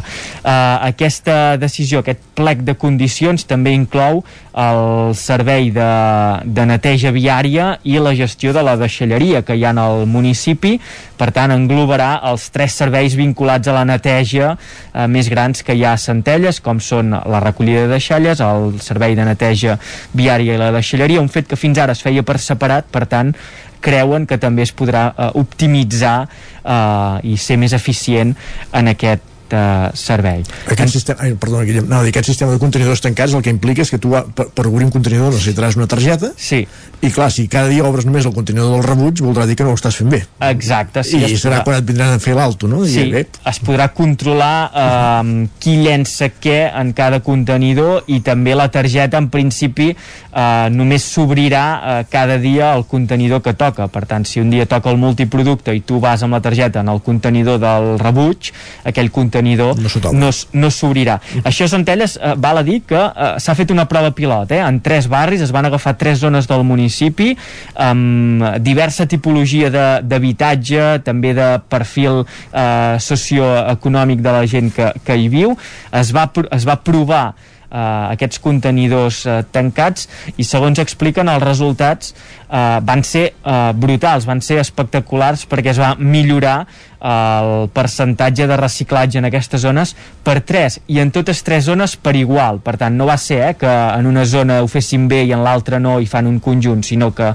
totes tres zones agafades per separat totes tres zones van millorar els eh, percentatges de reciclatge. Per tant això els fa ser optimistes que quan s'apliqui a tot el municipi aquest eh, percentatge de reciclatge creixerà a, a tot a tot Centelles Perfecte, gràcies Guillem per acostar-nos aquesta informació i com dèiem també ens acompanya la taula de redacció en Jordi Vilarrodà. Amb ell parlem de la figura d'aquest biguetà, d'Antoni de Montserrat, eh, reconegut, com dèiem la setmana passada al Senat espanyol a través d'una moció que presentaven el grup d'Esquerra Bildu. Efectivament, la moció la presentava eh, també un senador biguetà, eh, el politòleg Josep Maria Reniu, que és senador per al grup d'Esquerra eh, EH Bildu, i eh, vol impulsar el reconeixement, de fet deia això mateix, la recuperació impulsar la recuperació i divulgació de la figura i èxits d'Antoni de Montserrat, un jesuïta nascut a Vic al segle XVI, que va ser dels primers occidentals que va arribar a llocs tan remots com el Nepal. I fins i tot una de les coses per a les que se'l recorda és per haver estat el primer de dibuixar un mapa, un mapa rudimentari, però, però un mapa al cap i a la fi amb molts topònims de l'Himalaya. O sigui, és el primer que posa les muntanyes aquestes dels 8.000 de l'Himalaya en un mapa, un dibuix que, que de fet és, és petit, però, però recull fins a 200 topònims d'aquella zona i, i és una referència per, per, per, per els segles següents, perquè era un moment en què eh, eh era un territori gairebé inaccessible. Aquest home va ser un biguetà, un biguetà viatger que va ingressar a la Companyia de Jesús, eh, els jesuïtes, que va estudiar a Barcelona, eh, de fet a Vic hi va estar poc, va marxar de jove doncs, a estudiar a Barcelona, es va ordenar sacerdot a Portugal i eh, va marxar després cap a les colònies portugueses que hi havia a l'actual Índia.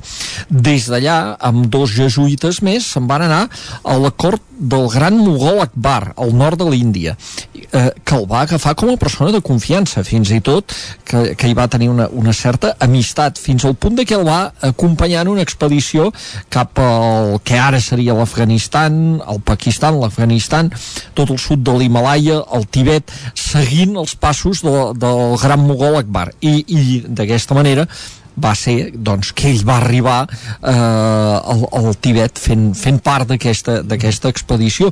De, era un lloc tan, tan remot, diguem, i tan inhòspit que des del... Hi havia hagut un occidental que ja hi havia anat al segle XIII, que era el mític viatger venecià Marco Polo, que Carai. tots, doncs, sí, sí. doncs el segon, després de Marco Polo, és, és el biguetà Antoni de Montserrat, el segon que trepitja eh, un lloc com, com, com aquest. No? De quina com... època estem parlant, Jordi? Eh, de, perdó? De quina època estem parlant? Al segle XVI, Segle de fet, al segle XVI, ell neix a eh, Vic l'any 1536 i eh, mor eh, eh, el 1600, l'any 1600, o sigui, justament en aquesta època. Eh, de fet, quan mort havia fet una, havia enllestit una obra que explicava tots els seus viatges viatges, que, que en llatí, Mongolicae Legationis Commentarius, eh, que és l'obra que deixa explicant tot això.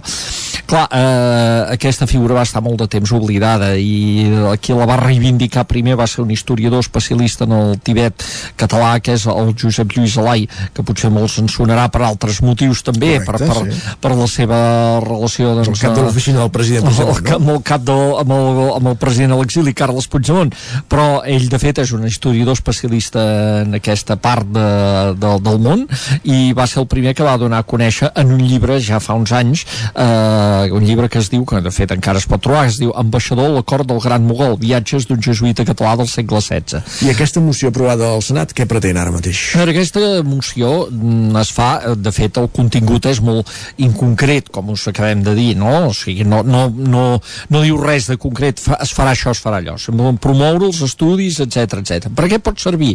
Doncs potser, fins i tot podria servir en el cas de Vic, per exemple, perquè la figura d'Antoni de Montserrat estigui, s'incorpori a la galeria de biguetans il·lustres, perquè no hi és en aquests moments aquella, aquella galeria de retrats tan, sí, sí. Eh, que hi ha a la sala de la columna, doncs pels que no siguin biguetans i no el coneguin, eh, eh, doncs en aquella, en aquella galeria podria haver-hi, de fet em sembla que hi havia hagut alguna suggerència en aquest sentit d'incorporar-hi la figura d'aquest eh, biguetà que va estar poc a Vic, com dèiem però que eh, va deixar una de fet va estar poc a Vic i va estar poc a Catalunya perquè, perquè va morir va morir lluny d'aquí, va morir allà a, a la Índia i, i no, no va tornar mai aquí.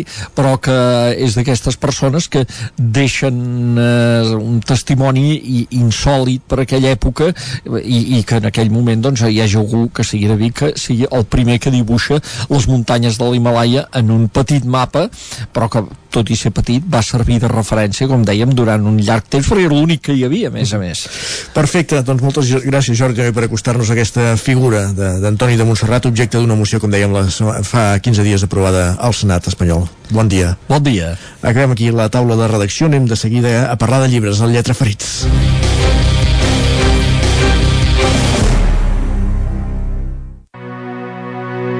Territori 17. El 9 FM, la veu de Sant Joan, Ona Codinenca, Ràdio Cardedeu, Territori 17.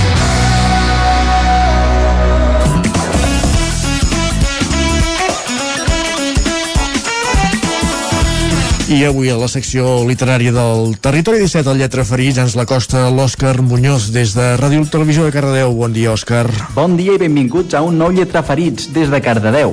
Avui parlarem amb l'Antonio Velasco, veí de Llinars del Vallès, que ens presentarà el seu primer llibre, Hotel Rejas. Amb aquest títol doncs, ja sabem més o menys per on anirà el, aquest llibre, així que avui parlarem amb ell. Bon dia, eh, Antonio. Hola, bon dia, com estàs? Molt bé. Hotel Rejas és el teu primer llibre publicat o havies fet alguna coseta abans? Havia fet eh, tota una col·lecció de relats, poemes, cançons... Però novel·la és la primera, sí, és la primera. Uh -huh. I publicat també, no? Suposo que els relats Sí, publicada i escrita és la primera, sí, sí. sí. Uh -huh. I, i veient a quines dates s'ha publicat aquest llibre, eh, pot ser, el vas escriure en temps de pandèmia? En temps de pandèmia, efectivament. Eh, bueno, primer vas estar un any i mig eh, documentant-me a fondo, Uh -huh. um, llegint molts llibres de- d'aquella època, de, de la segona meitat dels anys eh, 70, que és un... Bueno, la, la, la novel·la, si has vist, eh, transcur... bueno, tot passa entre finals del 79 i finals del 80, 1980. Eh, aleshores, clar, vaig portar molt de temps de, de, de preparació prèvia, documentació, eh, lectura de, de llibres, revistes per internet, etc. I després sis mesos treballar, he treballat en la, el que seria la redacció. I la vaig acabar justament pues, cap al desembre o així, o març, març, millor dit, um, en temps de pandèmia, sí senyor. Sí, sí. Ens posem en situació. Hotel Rejas és una novel·la autobiogràfica, podríem dir, basada a finals del 1979 i finals del 1980, a la presó model de Barcelona. Sí. El, això va ser un any que, bueno, després ja comentarem que va haver-hi com un trasllat, no? Sí. Doncs això, volem saber més aquesta història eh, perquè vas començar a treballar de molt jove eh, perquè et van Sí. fer fora de l'escola, eh? Pot, com... Pot ser... Bueno, em van traslladar, sí, em van traslladar a l'escola, però no, el fet de començar tan jovenet a treballar no era tant per aquest motiu, Uh -huh. sinó perquè a casa érem sis germans i només podia treballar el meu pare perquè si érem tants, hi havia molts de petits, la mare havia de fer pues, atenció a l'hogar, diguéssim, no? a la tropa. Um, aleshores jo amb 13 anys ja vaig començar el primer... bueno, havia començat abans però això no surt al llibre però ja de més jovenet, d'11 anys ja feia alguna feina però amb 13 ja vaig estar tot un any treballant en, una, en, una, en un magatzem de mobles i poc després eh, vaig començar a treballar en un taller de en un taller fustó de Sabadell que feien ninos, eh, titelles, etc. Jo pintava el que seria la cara dels, dels, dels ninos i això.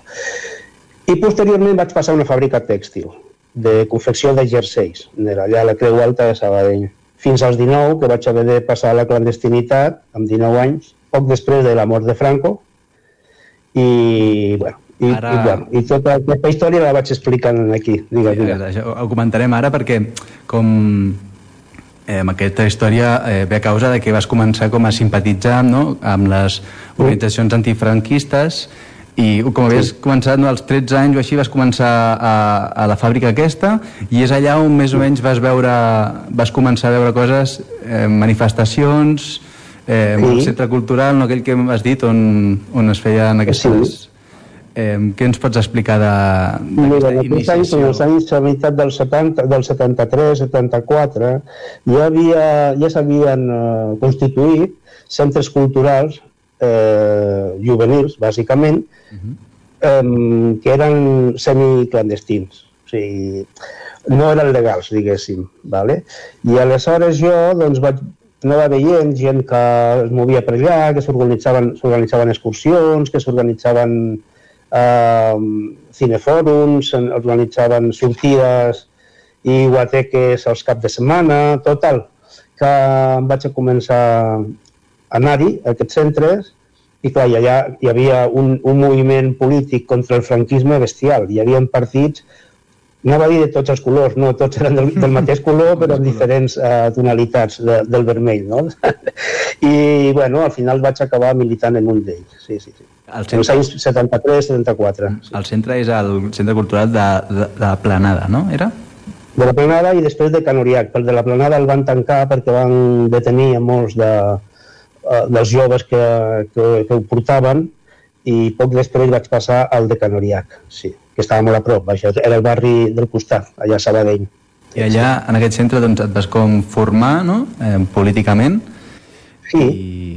sí, allà començo a llegir llibres i a escoltar cançons de, jo què sé, de, del Serrat, de la Violeta Parra, de Víctor Jara, vull dir, i eh, los, con los pòsters del Che Guevara, con los, saps? I aleshores, i excursions, que allà les excursions, pues, parlaven dels llibres que havien llegit, de les pel·lícules que havien vist, total que molt jovenet ja començo a prendre consciència de que, de que s'havia de canviar eh, vaja, que havia acabar, que acabar amb la dictadura, o sigui que tenia claríssim i així vaig fer. Eh, bueno, organitzar-me en un dels partits que es movia pa, pel barri i, bueno, mm -hmm. i passar després a la clandestinitat perquè ja em buscaven, diguéssim. Hi havia una frase de, al llibre del teu pare eh, que deia no et fiquis en política perquè això no porta... No? i bueno, sí. és, és, és cert no? que no porta cap bon sí. lloc bueno, en aquella època, clar eh, doncs això, arriba la mort de Franco i t'has de passar com 3 anys de clandestinitat eh, com recordes sí. aquests, aquests anys d'amagar-te, no? De... Um, per mi van ser en principi era molt emocionant, era molt romàntic, però quan ja portaves uns quants mesos i veies que això anava per llarg, que no podies veure els amics ni a la família, que a cada moment havies de... Bueno, sempre cada pas que, que feies havies de mirar als costats, mirar enrere, perquè no t'estiguessin seguint.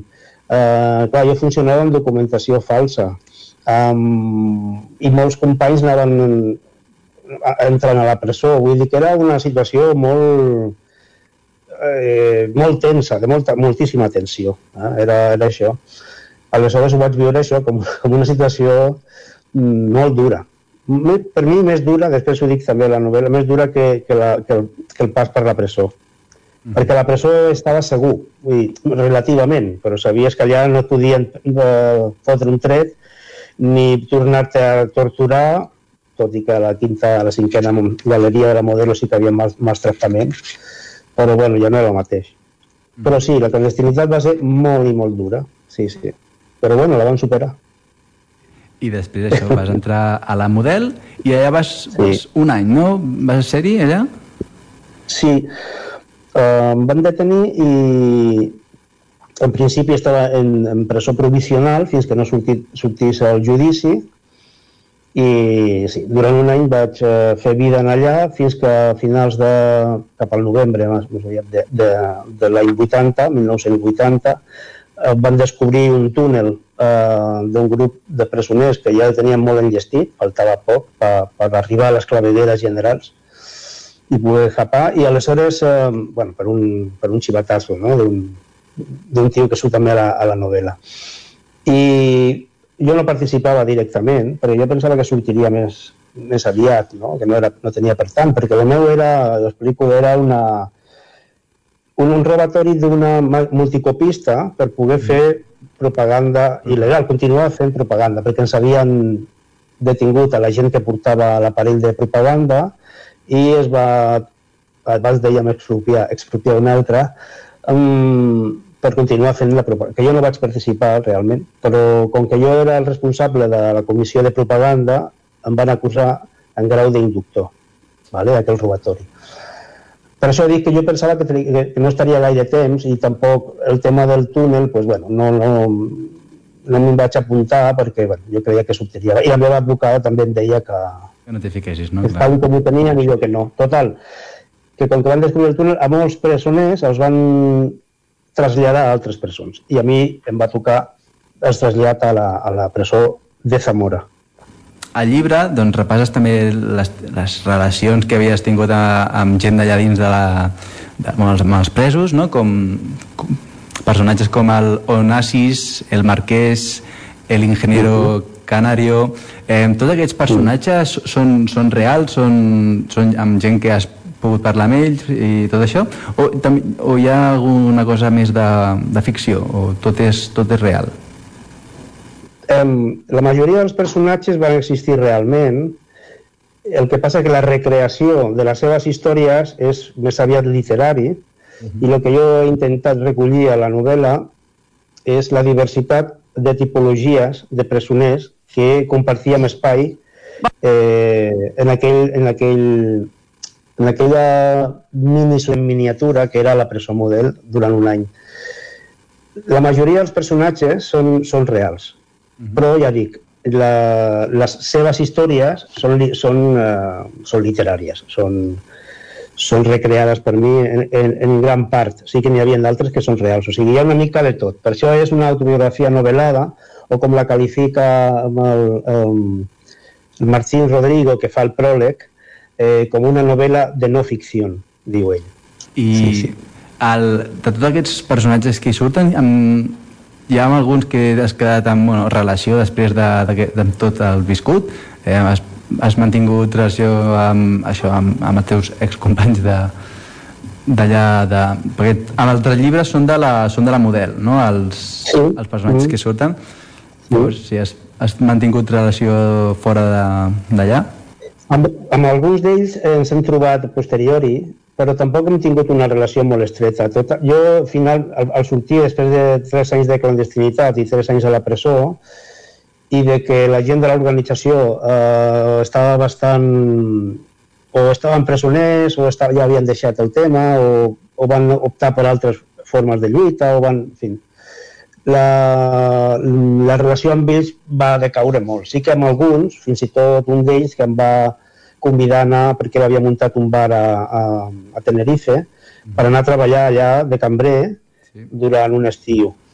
Va, a d'altres els vaig veure per Barcelona i em sento però vaja, la relació va decaure molt i la veritat que la majoria després no hem tingut de Granollers també, alguns que vaig conèixer a la presó que són de Granollers també ens vam retrobar a posteriori de fet, a l'Anònims, a vegades ens trobem amb algú d'ells. Uh -huh. I, bueno, eh, és això, però vaja, això va ser una etapa molt concreta, després jo vaig anar refent tota la meva història, amb els estudis... Eh, això ho volíem comentar sí. eh, que surts sí, sí. de la presó i després et poses a, a estudiar... Eh, per, eh, ara ets mestre i educació social, no? Com va anar això sí. després de sortir d'aquesta època de presó? Eh, reactivar-te amb els estudis no, a, la, a la universitat, com va en aquesta època? Bueno, jo quan vaig sortir de la presó, com que havia deixat els estudis sense finalitzar la secundària, em quedava un curs, realment. Però justament jo vaig sortir amb 25 anys. I aleshores vaig veure la possibilitat de fer la prova d'accés a la universitat, la prova de més grans de, de 25, i em vaig preparar pel meu compte i em vaig presentar, um, això va ser al març del 83, i vaig aprovar, però no tenia diners per matricular-me. Aleshores, com que jo a la presó de Zamora havia dedicat molt de temps, a part del llegir, que era per mi el principal, m'encantava llegir i, i fer gimnàstica cada matí, tot això, però després era pintar i dibuixar i aprendre més a perfeccionar el tema de l'harmònica. Jo sempre havia tocat l'harmònica des de molt jovenet i encara ho faig quan la família em deixa i no és broma Entonces, aleshores eh, amb els quadros i, i dibuixos que havia fet a la presó vaig organitzar una exposició de pintures a Sabadell que és on jo vivia i havia viscut sempre i amb els diners que vaig treure que van anar molt bé amb aquests diners vaig poder viatjar a Canàries -huh. per treballar tres mesos i amb, i amb això poder pagar el cost de la matrícula de, de primer de magisteri i allà vaig començar la història. Després ja vaig fer també educació social i, i vaig acabar eh, molts anys treballant, pràcticament gairebé tots els meus anys laborals, finals, els 20-25 anys finals, en temes d'educació. Molt bé. Sí, sí. Doncs, Antonio, eh, fins aquí el Lletra Ferits d'aquesta -huh. setmana. Eh, moltes gràcies. Eh, abans de res, eh, aquest llibre on el podem trobar, on el podem adquirir? Aquest llibre es pot adquirir a qualsevol llibreria. Uh -huh. Aneu a la llibreria, demaneu el llibre el, pel títol Hotel Rejas de la editorial Carena. I la llibreria, si no el té en el moment, que és difícil, perquè no és un llibre molt conegut encara, però sí que t'ho demanen i el dia següent ja el tens.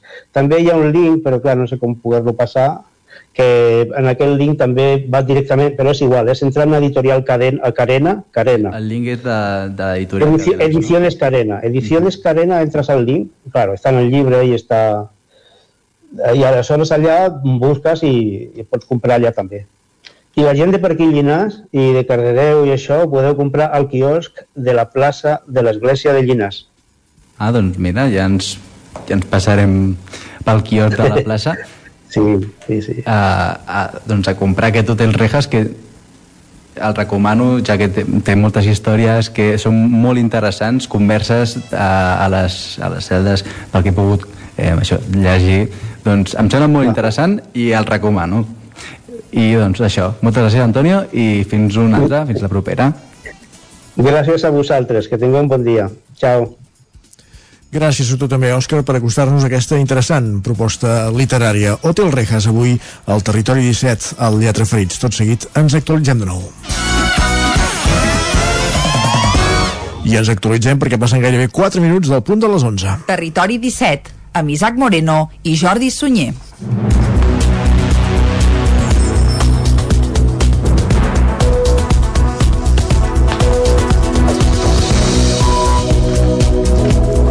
I a aquesta hora els expliquem que Salut recomana a tots els col·lectius de risc que es vacunin contra la grip durant el mes de novembre. La campanya de vacunació d'aquesta tardor coincideix alhora amb l'administració de la tercera dosi contra la Covid-19 als majors de 70 anys. La previsió és que a Osona se'n puguin administrar més de 30.000 dosis. Durant tot el mes de novembre, la campanya de vacunació contra la grip seguirà el seu procés i, si fes falta, també s'allargaria durant els primers dies de desembre. Una de les particularitats de la campanya d'aquesta tardor és que alguns dels usuaris amb cita per vacunar-se reben tant la dosi contra la grip com la tercera dosi de la vacuna contra la Covid-19 en el mateix moment i això sí en braços diferents. Laura Almendros és adjunta a direcció del Servei d'Atenció Primària d'Osona. Nosaltres pensem que és bo, perquè és una manera de captar eh, la població i el mateix fet de posar-los la vacuna de la grip, els hi posem també si fa compleixen els requisits, que són 6 mesos de la segona dosis i que tinguin més de 70 anys per ara, eh, podem aprofitar i posar eh, vacuna de grip i tercera dosis de Covid, per evitar doncs, que es puguin eh, agafar les dues patologies, que es puguin ajuntar i que això podia doncs, agreujar la malaltia. Santos González i Andrea Luna són dos dels usonencs que ahir van rebre les dues vacunes. Els escoltem. Todos los años pues me vacuno y parece que me va bien, pues no iba a dejar este año para atrás, ¿no? Dicen que hay que vacunarse, pues a vacunarse. Y, los que no entendemos de nada, pues bueno, pues lo que nos digan. Que se facin, que facin la vacuna, sí, perquè hi ha molta. Des de Salut es fa una crida perquè totes les persones incloses en la campanya de vacunació de la grip es vacunin el més aviat possible. Això inclou a les persones més grans de 60 anys, aquelles que tenen malalties cròniques o algun factor de risc, dones embarassades o professionals de la salut. El passat 2020 les dades de grip van ser baixes i va haver-hi poca incidència de la malaltia entre la població.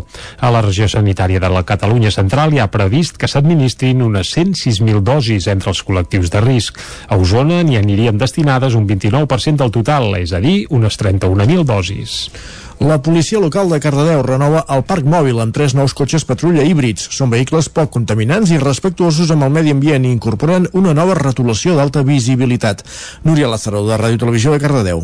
La policia local de Cardedeu ha renovat el parc mòbil amb tres nous cotxes patrulla Kia Niro 1.6 GDI. Tots tres són vehicles poc contaminants híbrids amb motor de 141 cavalls que permetran que la policia local compleixi amb les seves tasques de manera solvent i respectuós amb el medi ambient. Els vehicles compten amb tot l'equipament necessari per al correcte desenvolupament de treball policial, juntament amb els sistemes d'assistència DEA, desfibrilador, extern automàtic o les emissores de la xarxa rescat, entre d'altres. La principal novetat que destaca en aquests cotxes patrulla és la retolació que segueix el patró europeu Battenberg, amb pintura d'alta visibilitat amb bandes de color groc que s'alternen amb els tradicionals els colors blau i blanc. Amb aquesta nova retolació permetrà que els vehicles siguin vistos amb facilitat a una distància màxima de 450 metres, fet que aporta major seguretat en els serveis, fins i tot en situacions climatològiques adverses o en horari nocturn. També permetrà una major identificació dels vehicles policials per part de la ciutadania. L'Ajuntament de Molló, al Ripollès, recupera 32 hectàrees per pastures, Isaac, muntades des de la veu de Sant Joan. Durant aquests mesos de setembre i octubre, l'Ajuntament de Molló ha recuperat un total de gairebé 32 hectàrees per pastures a la zona de la Solana. Bàsicament, s'ha fet una neteja de pins i d'arbustos mitjançant una tala a la Forest Muntanya de Molló, que està catalogada amb el número 60 de Girona i està inclosa dins els límits del Parc Natural de les Capçaleres del Ter i del Freser. Els treballs per dur a terme aquesta actuació han tingut un cost d'uns 6.660 euros, dels quals n'hi ha hagut un 65%, 4.300 euros, que han estat subvencionats per la Diputació de Girona. L'actuació que s'ha fet està dividida en dues zones diferents que estan ubicades a la part alta de la Forest, al voltant de la pista que connecta Espinavell amb el terme municipal de Set Cases. Una primera zona es correspon a una àrea d'unes 30 hectàrees de pastures, però on hi havien crescut pins. Es van tallar els plançons del pi i com que el regenerat d'aquest arbre encara era petit, era un bon moment per fer-ho, ja que quan assoleixen majors dimensions, el cost i la dificultat logística és molt més gran. Les restes es van triturar in situ mitjançant crema o amb el tractor i la desbrossadora de martells. També hi havia una zona de gairebé dues hectàrees on hi havia arbustos com ginebrons i bàlecs, on s'hi va fer una estassada amb tractor forestal i desbrossadora de martells. L'alcalde de Molló, Josep Coma, va explicar que la fusta de menys valor a la brancada es cremava, però que la resta s'utilitzarà per biomassa. Coma va subratllar la importància que té la recuperació de pastures. El és important per mantenir el sector ramader, perquè cada vegada més doncs, el bosc està ocupant aquests espais que eren antics espais de pastura, amb aquests eh, pins que es van replantar als anys 60 per part d'Icona. Pins es van plantar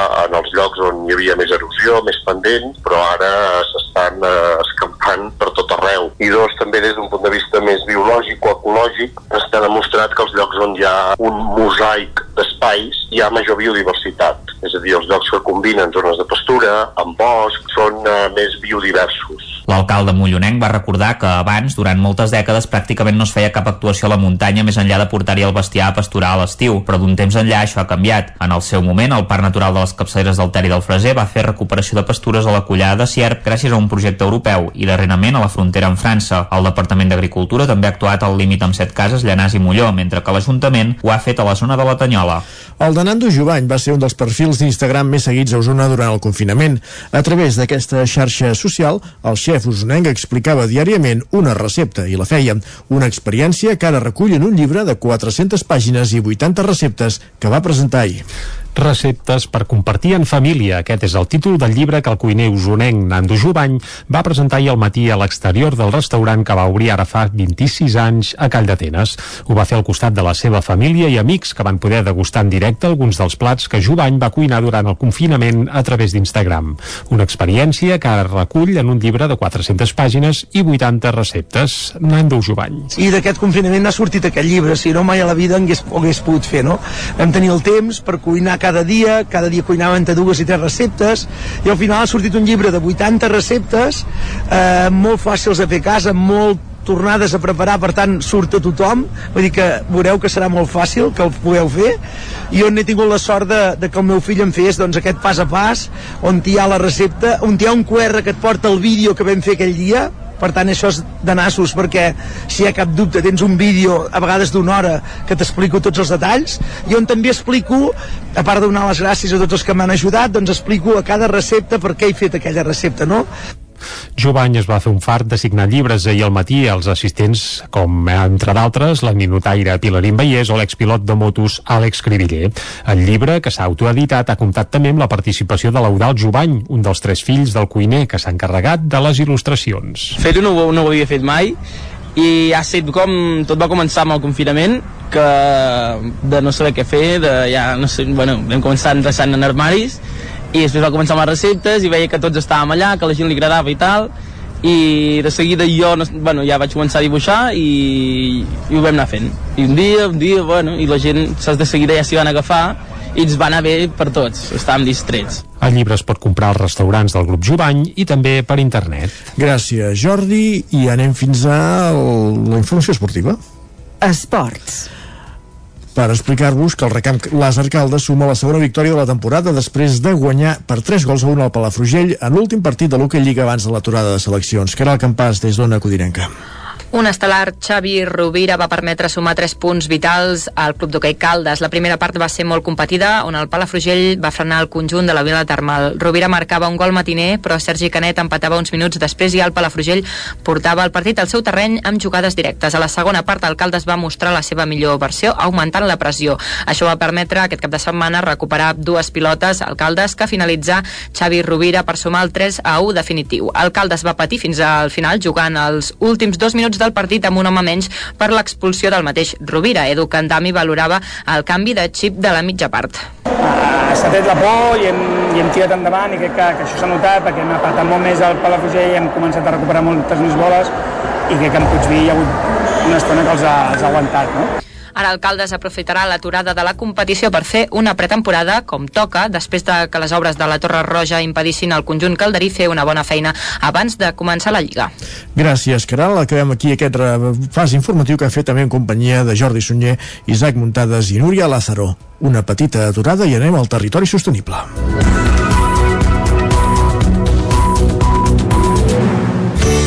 Territori 17. Envia'ns les teves notes de veu per WhatsApp al 646 079 023. 646 079 023. WhatsApp Territori 17.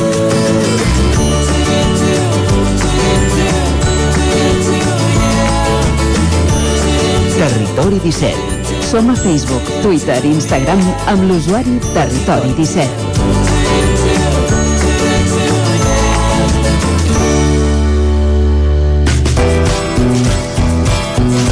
Un minut i serà un quart de 12. Anem al territori sostenible amb en Jordi Givert des d'Ona Codinenca i avui descobrint els olis mitjorn.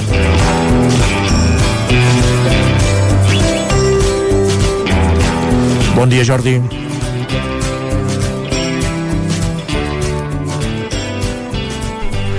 Avui a Territori Sostenible volem parlar d'oli i oliveres, concretament d'una varietat de la Catalunya central que s'està recuperant. És la varietat Corbella, que creixia a les conques dels afluents del Llobregat, del Cardener, de la Gavarresa o del riu Calders, és a dir, a les zones del Pla de Bages i el Moianès. Concretament avui ens acostem fins a Navàs. Sortim de la nostra zona d'influència per conèixer aquest projecte a Olis Mitjorn, perquè de retruc també hi està implicat la comarca del Moianès.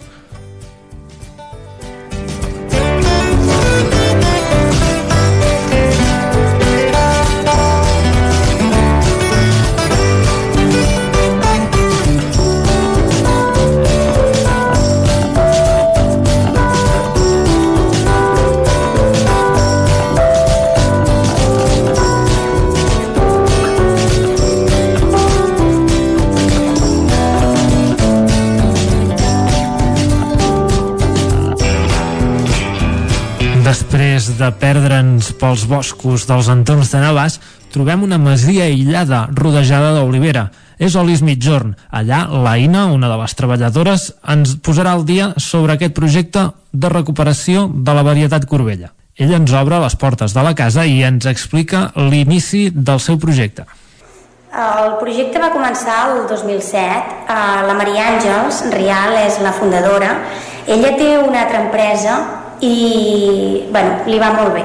Llavors ella viu aquí, a la finca de Mitjorn, uh -huh. i fa molts anys això estava abandonat. Eren camps de cereal, de vinya, però això estava abandonat perquè els tractors a les terrassetes no s'hi giraven bé i al final, doncs mira, ho van deixar. Però clar, és on viu i ella va voler recuperar aquest paisatge. Uh -huh. Llavors va començar a preguntar i li van dir pues, això, que aquí podia ficar olivera o vinya. Va pensar que vinya ja era massa feina i va decidir per l'olivera i bueno, va començar a plantar les oliveres. Just enganxem que Olis Mitjorn està de collita, ens interessem per com estan treballant quines són les feines que fan actualment i si el calendari i el cicle de l'olivera canvia segons la varietat o segons el territori. Nosaltres comencem la collita a principis d'octubre uh -huh. perquè tenim la varietat Corbella i la varietat Corbella és una varietat molt primerenca que a més a més madura en molt poc temps Llavors, eh, seguidament, eh, com això, comencem a l'octubre amb la corbella i seguidament fem l'arbequina, més o menys a principis de novembre. Uh -huh. eh, actualment, eh, cal tenir en compte que tot aquest tema del canvi climàtic està influint -huh. vull dir, cada vegada uh, notes més que potser ho estàs començant una mica abans, no?, per les calors, el fred no arriba, i a uh, Andalusia el, el, bueno, el, la, el clima és molt diferent. Uh -huh. uh, és molt extrem i ells comencen abans. Hi ha vegades que ara que, no, que segueixes molta gent per les xarxes socials i veus que dius, ostres, a ells a lo millor amb el tema de la floració ja els hi han florit i aquí encara tenim el borró que és molt petit Després de posar-nos al dia, tornem a centrar-nos en la varietat Corbella. Concretament, ens preguntem com comencen aquest projecte de recuperació i per què aquesta varietat va estar a punt de perdre's. Llavors, um, clar, quan va ser el moment de llançar al mercat, ens vam donar compte que tothom tenia arbequina. I va ser el moment de dir, bueno, alguna hem de fer per diferenciar-nos, per fer alguna diferent Llavors, parlant amb la gent de la zona, va ser quan ens van dir mira, doncs aquí hi ha aquesta varietat que és autòctona que la podeu recuperar, però per què ningú la treballava? Clar, si és autòctona, per què ningú l'estava treballant? Però el que passa és que neix en caps de marge. Mm. Això significa que necessites personal, borrasses, que les olives se'n van d'alta baix, molta gent necessites. Clar, al final no acaba sent productiu. Llavors el que s'està fent és això, recuperar aquesta varietat, fer plantacions noves i les que s'estan recuperant és transplantar-les a un lloc més estable per poder anar després amb el paraigua i recollir. Després de provar l'oli de la varietat Corbella, la Ina ens fa l'explicació perquè ens fixem en els detalls del gust que podem trobar en aquesta varietat. La corbella és uh, un oli que si el fas en verd és molt potent, eh, aquests antioxidants són el que notem el, de la picor, no? que es diu, i en té molt, si la fas en verd, pot ser molt amargant a la vegada, però llavors eh, arriba un punt que té un equilibri que llavors acaba, acaba sent un, un gust, eh, pots trobar plàtan, verd, eh, pots trobar carxofa, pots trobar eh, paraguaios, uh -huh. fruites més tropicals. És, és una varietat realment eh, complexa i diferent, molt diferent a l'arbequina. A més a més del gust de la varietat Corbella, la Ina ens explica les seves propietats i quins beneficis ens pot portar a incloure'l a la dieta. L'arbequina és una varietat d'oliva que té pocs antioxidants. En canvi, la corbella s'ha demostrat i analítiques que té un, unes propietats saludables molt més elevades uh -huh. que altres varietats, no? El tema dels antioxidants, que tothom està buscant, no? Està el tema en flor, i, i tot el tema de l'oleocantal. Té aquest, aquesta varietat, de per si, de natural, eh, té una molècula que a dintre del molí es transforma i eh, es crea el que és aquesta, final, aquesta molècula final que és l'oleocantal. Um, l'oleocantal és un uh, element que pel cos és uh, molt saludable s'estan fent, bueno, hi ha molts estudis eh, sobre, uh -huh. sobre això oleocantal has dit oleocantal uh -huh. Bueno, és un antiinflamatori que també pot anar molt bé pel tema de mm, cardiovascular, eh, per, la, per la circulació de la sang. Uh -huh. Tant l'entorn com el terra o fins i tot el clima poden variar la qualitat o les propietats de l'oli. Per això, des de Finques Mitjorn, a part de les pròpies oliveres que tenen a l'entorn de la masia, també arrenden altres olivars a municipis dels entorns, a diferents productors locals, per poder trobar aquestes diferents varietats a diferents punts de la conca del riu Cardener. Depèn d'on es cultiva, i donarà unes propietats però no només és l'entorn sinó també la climatologia um, si és una molt extrem tot això donarà més intensitat o menys al final el que és a l'oliva no? Tota l'olivera que, que teniu vosaltres és aquí als entorns de, de la Masia? No, aquí a Mitjorn tenim 15 hectàrees llavors tenim unes altres més de 15 hectàrees arrendades. Uh -huh nosaltres fem un intercanvi amb el, amb el propietari d'aquella finca. Normalment són propietaris que ja no es dediquen a cuidar aquella finca perquè tenen altres professions, a lo millor, i nosaltres eh, el que fem és li cuidem la finca durant tot l'any, quan arriba el moment de la collita collim les olives i segons els quilos que s'han collit se li otorga un X litres de- d'aquella varietat que normal, normalment sempre és corbella. No hi ha un intercanvi econòmic. Sobre la qualitat de l'oli també preguntem que ens instrueixi una mica sobre les diferències entre un oli verge extra, un verge i quins són els detalls i què fa que es qualifiquin de diferent manera segons la producció. L'oli del raig és l'oli que surt auto, directament del molí. Aquell oli eh, és d'un color estèrbol, no és eh, transparent, així no? com estem acostumats a veure a dintre de l'envàs. Per què és tèrbol? Perquè conté encara aquests organismes, aquests elements orgànics de la pell, de l'os, a dintre. Aquests elements eh, al final s'acaben fent un pòsit al fons de l'ampolla i continuen el seu procés de fermentació. Això significa que si jo aquell oli, encara que sigui d'alta qualitat, un extra verge, si el deixo aquell pòsit, al final em farà malbé l'oli que tinc a sobre, perquè clar, allò continua fermentant. Ara bé, aquest oli, si el deixes de cantar i després el filtres, llavors aquí és quan s'ha de portar a analitzar. Has de portar una mostra a un panell de, al panell de caca, que aquí el tenim a Tarragona, i eh, una altra mostra a analitzar químicament a un laboratori que estigui certificat. Ells et diran, segons els paràmetres, la teva categoria. Llavors, hi ha extra verge, verge o lampante. El lampante, aquest oli, que és el que té tants defectes, no es pot comercialitzar com a suc d'oliva, no? El que s'ha de fer és portar-lo a refinar. Llavors el porten a refinar, en treuen totes les substàncies dolentes, les olors, el color, tots els defectes, i eh, això ho fan amb soses, bueno, és una refineria, no? Sí.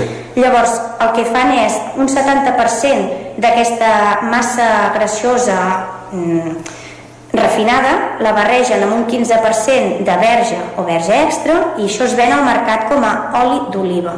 El que passa que a sota hi ha la lletra on te posa que doncs, eh, aquest oli conté um, específicament olis refinats i olis d'oliva verge o verge extra. El problema és que bueno, s'ha de llegir l'etiqueta. Hem de, hem de fixar-nos en aquests detalls a l'hora d'agafar a, a la botiga una, un tipus d'oli o, o un altre.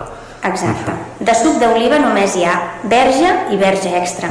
I quina és la diferència de, entre verge i verge extra, diguem Un exemple molt clar és si jo compro mandarines avui i em faig un suc i me'l bec, aquest suc tindrà un gust, no? Si aquestes mandarines que m'han sobrat d'aquí un mes em faig un altre suc, oi que no tindrà el mateix gust que el primer dia que em vaig fer el suc? Doncs el del primer dia és un extra verge, perquè no té cap defecte. I el de l'últim dia, el de cap d'un mes, és un verge, perquè sí que té algun defecte, però amb dos són sucs de, de fruita. Ens despedim de la Ina i la deixem continuar amb les tasques i feines de la collita. Nosaltres us deixem també amb els companys del Territori 17 que seguiran explicant l'actualitat dels nostres pobles i comarques. Fins la setmana que ve. Doncs gràcies Jordi per portar-nos també aquesta setmana aquestes particularitats d'aquest oli, de l'oli mitjorn de Navàs. Encararem la recta final del territori 17 serà després de fer una petita pausa ara tot seguit i després hi tornarem com sempre viatjant per la R3 de la mà de l'Isaac Muntades i com cada dimecres fent una, una ruta, un tour per les diferents redaccions del territori 17 per conèixer quins són els principals actes culturals dels quals podem gaudir en els propers dies a casa nostra serà tot seguit, com dèiem, en connexió amb les redaccions de Ràdio Cardedeu, amb l'Òscar Muñoz, d'Ona Codinenca amb la Caral Campàs, de la veu de Sant Joan, amb l'Isaac Muntades i del 9FM amb en Jordi Vilarrodà. Parlem de cultura tot seguit al Territori 17. Com dèiem, primer fem una petita pausa i en 3 minuts tornem a ser aquí amb l'R3 i l'agenda cultural. Fins ara.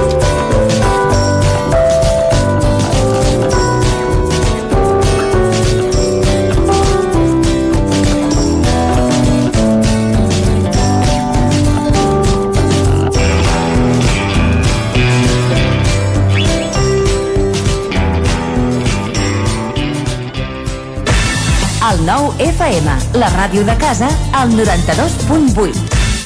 A Corretja tenim tot el que necessites per la teva llar. Tot tipus de paviments i revestiments, sistemes d'aïllament, cobertes, parquets, aixetes, ferreteria, pintures, fixació i cargoleria, vestuari i material de seguretat. Disposem de més de 3.500 metres quadrats d'exposició amb una nova zona exterior d'aïllaments. A Corretja som especialistes en cuines i banys. Us assessorem, dissenyem i realitzem el projecte des de l'inici fins a la fi del muntatge. 100% cuines, 100% banys. Al carrer Mas Vigues 8 de Vic, a corretja-sl.com o a Instagram. 100% materials per la construcció i la decoració. 100% corretja. Saps què és el confort intel·ligent? És tenir un terra radiant Giacomini a casa. Benestar que no es veu, però es nota tot l'any. I que pots controlar a distància des del teu mòbil, estalviant energia i diners. Suma't al confort intel·ligent amb Giacomini. Informa't a giacomini.es o truca al 93 884 1001 i t'ajudarem a tenir un terra radiant a casa o a l'oficina. Giacomini, la climatització que et mereixes. A la llibreria Mater hi trobaràs material escolar i d'escriptori, llibres, revistes i el millor regal. T'esperem amb una gran varietat de novel·les, llibres d'assaig, poesia, contes i moltes novetats editorials. I per anar ben equipat a l'escola tenim motxilles, estoig, carpetes, llibretes, bolígrafs i molt més. Recorda que amb la targeta client tens descomptes. Mater, llibreters amb vocació des de 1957. Llibreria Mater. Ens trobaràs al carrer Pla de Balanyà número 23 de Vic i a mater.cat. Tenim quaderns de vacances i les novetats amb motxilles i estoigs de la marca Kipling. T'esperem. El racó de León. Gaudeix de la nostra terrassa. Vine a tastar les xuletilles de lechal a la brasa amb una bona amanida o el xuletón de vedella gallega. No et pots perdre el nostre lechado de Castilla al forn o el cochinillo a l'estil de Segovia. Tot acompanyat del millor celler, al menjador o fora la terrassa.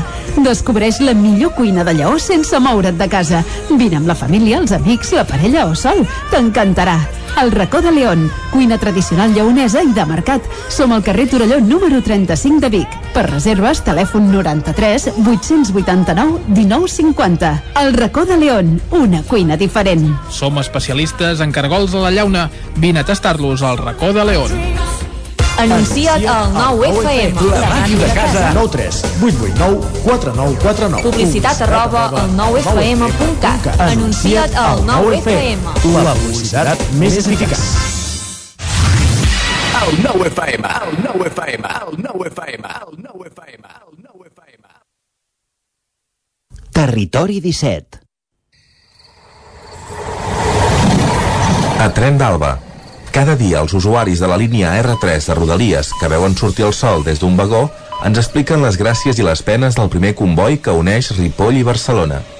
Benvinguts a Tren d'Alba. De tant en tant m'agrada recollir alguna queixa d'usuaris del tren, i avui ho he fet amb la de la Laura Gort a Twitter, que fa uns dies es queixava que a l'estació de Granollers Canovelles de l'R3 unes 70 persones estaven esperant el tren a Barcelona a les vies 1 i 3, com sempre, vaja. No va haver-hi cap avís. Ja us podeu imaginar per on va venir el tren, no? Clar, per l'única via que ningú hi comptava, la 2. Un tren llarg impedint el pas i tothom a córrer. L'usuari es queixava a Rodalies i a la Generalitat de si volien accidents o què. L'usuari a Buf contestava que això no requeria de grans inversions, sinó de la voluntat d'informar i avisar a temps i correctament. Ni problema de doble via ni de transferències de competències, sinó només de menys tenir els usuaris. Després va haver-hi el típic que es va passar de llest i deia que no era culpa de Renfe i que la informació de l'estació l'havia de portar a DIF, que era l'administrador d'infraestructures. També va utilitzar un insult a aquest usuari. Clar, mirant el seu perfil sembla un fanàtic de Renfe, on és treballador, perquè hi té la foto d'un tren. Però la descripció el desacredita, ja que diu que està en contra del feminacisme i la llei de violència de gènere discriminatòria. Diu que Espanya no és una ONG i que la bandera LGTBI no el representa. Vaja, triple combo, masclista, racista i homòfob. Doncs per nosaltres la teva opinió no ens mereix cap respecte. Renfe ha de millorar molt, Adif també, i els respectius governs s'han de posar les piles. Va,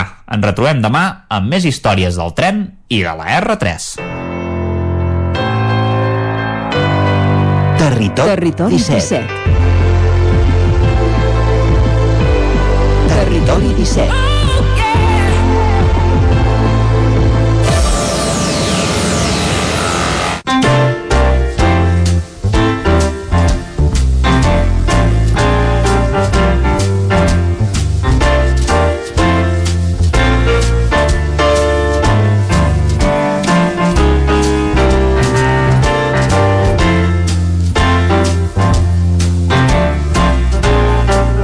Passen dos minuts de dos quarts de dotze, comencem el recorregut que fem cada setmana per l'agenda cultural de les nostre, del nostre, de casa nostra, volem dir, perdó, i com sempre, com cada setmana, comencem en companyia de l'Òscar Muñoz, des de Ràdio Televisió de Cardeu. Bon dia, Òscar. Hola, doncs sí, com farem el repàs eh, cultural aquí a Cardedeu, on divendres a dos quarts de vuit de la nit, eh, al Teatre Auditori de Cardedeu, acull l'espectacle En diàleg. I seran la Sònia Sánchez, bailadora de flamenc i especialista en improvisació i dansa japonesa, i el Pablo Rega, guitarrista improvisador i artista sonor. Ens faran aquí com un procés de crea, creatiu eh, i una fase bueno, una fase d'inspiració dins l'escenari. Això serà un, té un cost gratuït i, com hem comentat, i serà al Teatre Auditori de Cardedeu. Si no, dissabte hem tenit, tenim les nits de, de jazz al Museu Arxiu Tomàs Balvell, això dins d'aquestes nits amb jazz, i hi haurà, i serà càrrec de la Elsas, aquests artistes emergents, i experimental amb influències de jazz, electrònica i pop. Cal reservar prèviament, però el cost de, de l'entrada és gratuïta. Això serà a l'arxiu Tomàs Balvell. I per acabar, eh, diumenge també acabem amb jazz. Eh, acabem amb el concert de l'Helena Mas Quartet. Això serà diumenge a les 7 del vespre i aquest concert també forma part de la programació de Nits amb Jazz i d'aquest 50è, 50è aniversari de la primera nit amb jazz i serà amb l'Helena Mas Quartet presenta un repertori de cant doncs tot fent un recorregut pel jazz, pel soul i pel rhythm and blues i serà ella juntament amb tres, eh, tres músics podrem trobar eh, aquestes entrades des de 10 euros a les taquilles al Teatre Auditori de Cardedeu. I continuem amb Granollers, on eh, divendres hi serà el Juan Pablo Balcázar Quintet dins del 49è cicle de jazz al casino eh, de Granollers, el, el casino Club de Ritme i doncs això podem trobar les, les entrades a taquilla des de 8 euros. Divendres també i dissabte a la sala gran del Teatre Auditori de Granollers i serà l'obra de teatre eh, Filomena Mar Martura, no? És aquesta obra de, que ens explica doncs, la, la, la vida de la Filomena, interpretada per la Clara Segura, segurament la coneixem, eh, també hi serà en Jordi Coromina, la Marissa Jusà, el Jordi Llobet, molts eh, intèrprets de, de l'estil com hem comentat, i serà al Auditori de Granollers i els preus doncs, ronden des dels 28 euros fins eh, als 14 amb descompte jove. I acabem a Granollers a la sala 9B1 amb el concert del Pol eh, Fuster amb la presentació d'aquest últim gran disc eh, Go Between. Si ja has conegut en Pol saps que sempre va per lliure. I doncs ens, es presentarà aquest disc que segurament eh, ens faci gaudir de la seva veu i guitarra. També, doncs, el grup també serà acompanyat del Jaume Catà amb el bateria i l'Àlex Permenyer amb el baix. Podem trobar les entrades des de 12 euros si tens aquest carnet jove que he comentat abans, doncs el podràs trobar des de 6 euros a la sala 9BU aquí a, a Granollers. Perfecte, gràcies Òscar per fer-nos aquest repàs a l'agenda cultural de, de Granollers, de Cardeu, de Llinars, d'aquesta zona del Vallès Oriental i saltem de Cardeu cap a Osona amb en Jordi Vilarrodà que des dels estudis del 9FM ens acosta l'agenda cultural pels propers dies també. Bon dia Jordi. Hola, molt bon dia. Doncs una agenda cultural força intensa, la veritat. Tenim moltes coses també aquest cap de setmana posterior a, a Tots Sants i a la Castanyada. A veure, comencem per una estrena perquè a l'Atlàntida aquest divendres hi ha estrena de disc. Es tracta d'un disc d'en Joan Pau Chávez. En Joan Pau Chávez és un d'aquests músics que és a tot arreu, fa molta feina, però com que sempre està en una segona línia, se'l veu poc i la gent l'identificaràs si diem, ah, en Joan Pau és el teclista dels Pets. Mm, Això, entre moltes altres coses. Però eh, ara, a més a més, ens presenta un disc que és el segon de la seva carrera que, fia, que fa de piano sol. És una revisió de cançons destacades d'aquest eh, segle passat, diem, o sigui, però segle passat eh, en les últimes etapes, eh? Cançons del pop català que hi trobarem doncs, des del Boig per tu, que el van penjar doncs, a la nostra web del 99.cat el, divendres passat, el primer tema que es va donar a conèixer, fins al Bon Dia dels Pets, a l'Empordà de Sopa de Cabra, el Vol de la Mossell de Sant Traït, etc etc etc, però totes versionades en, eh, en, un, eh, en, en versió de piano sol, en un disc que es diu Cançons de fi de segle, que ha editat RGB i que es presenta a la sala Joaquim Maideu de l'Atlàntida el divendres a les 8 del vespre. Aquesta és una de les propostes, per tant, d'estrena que, que tenim.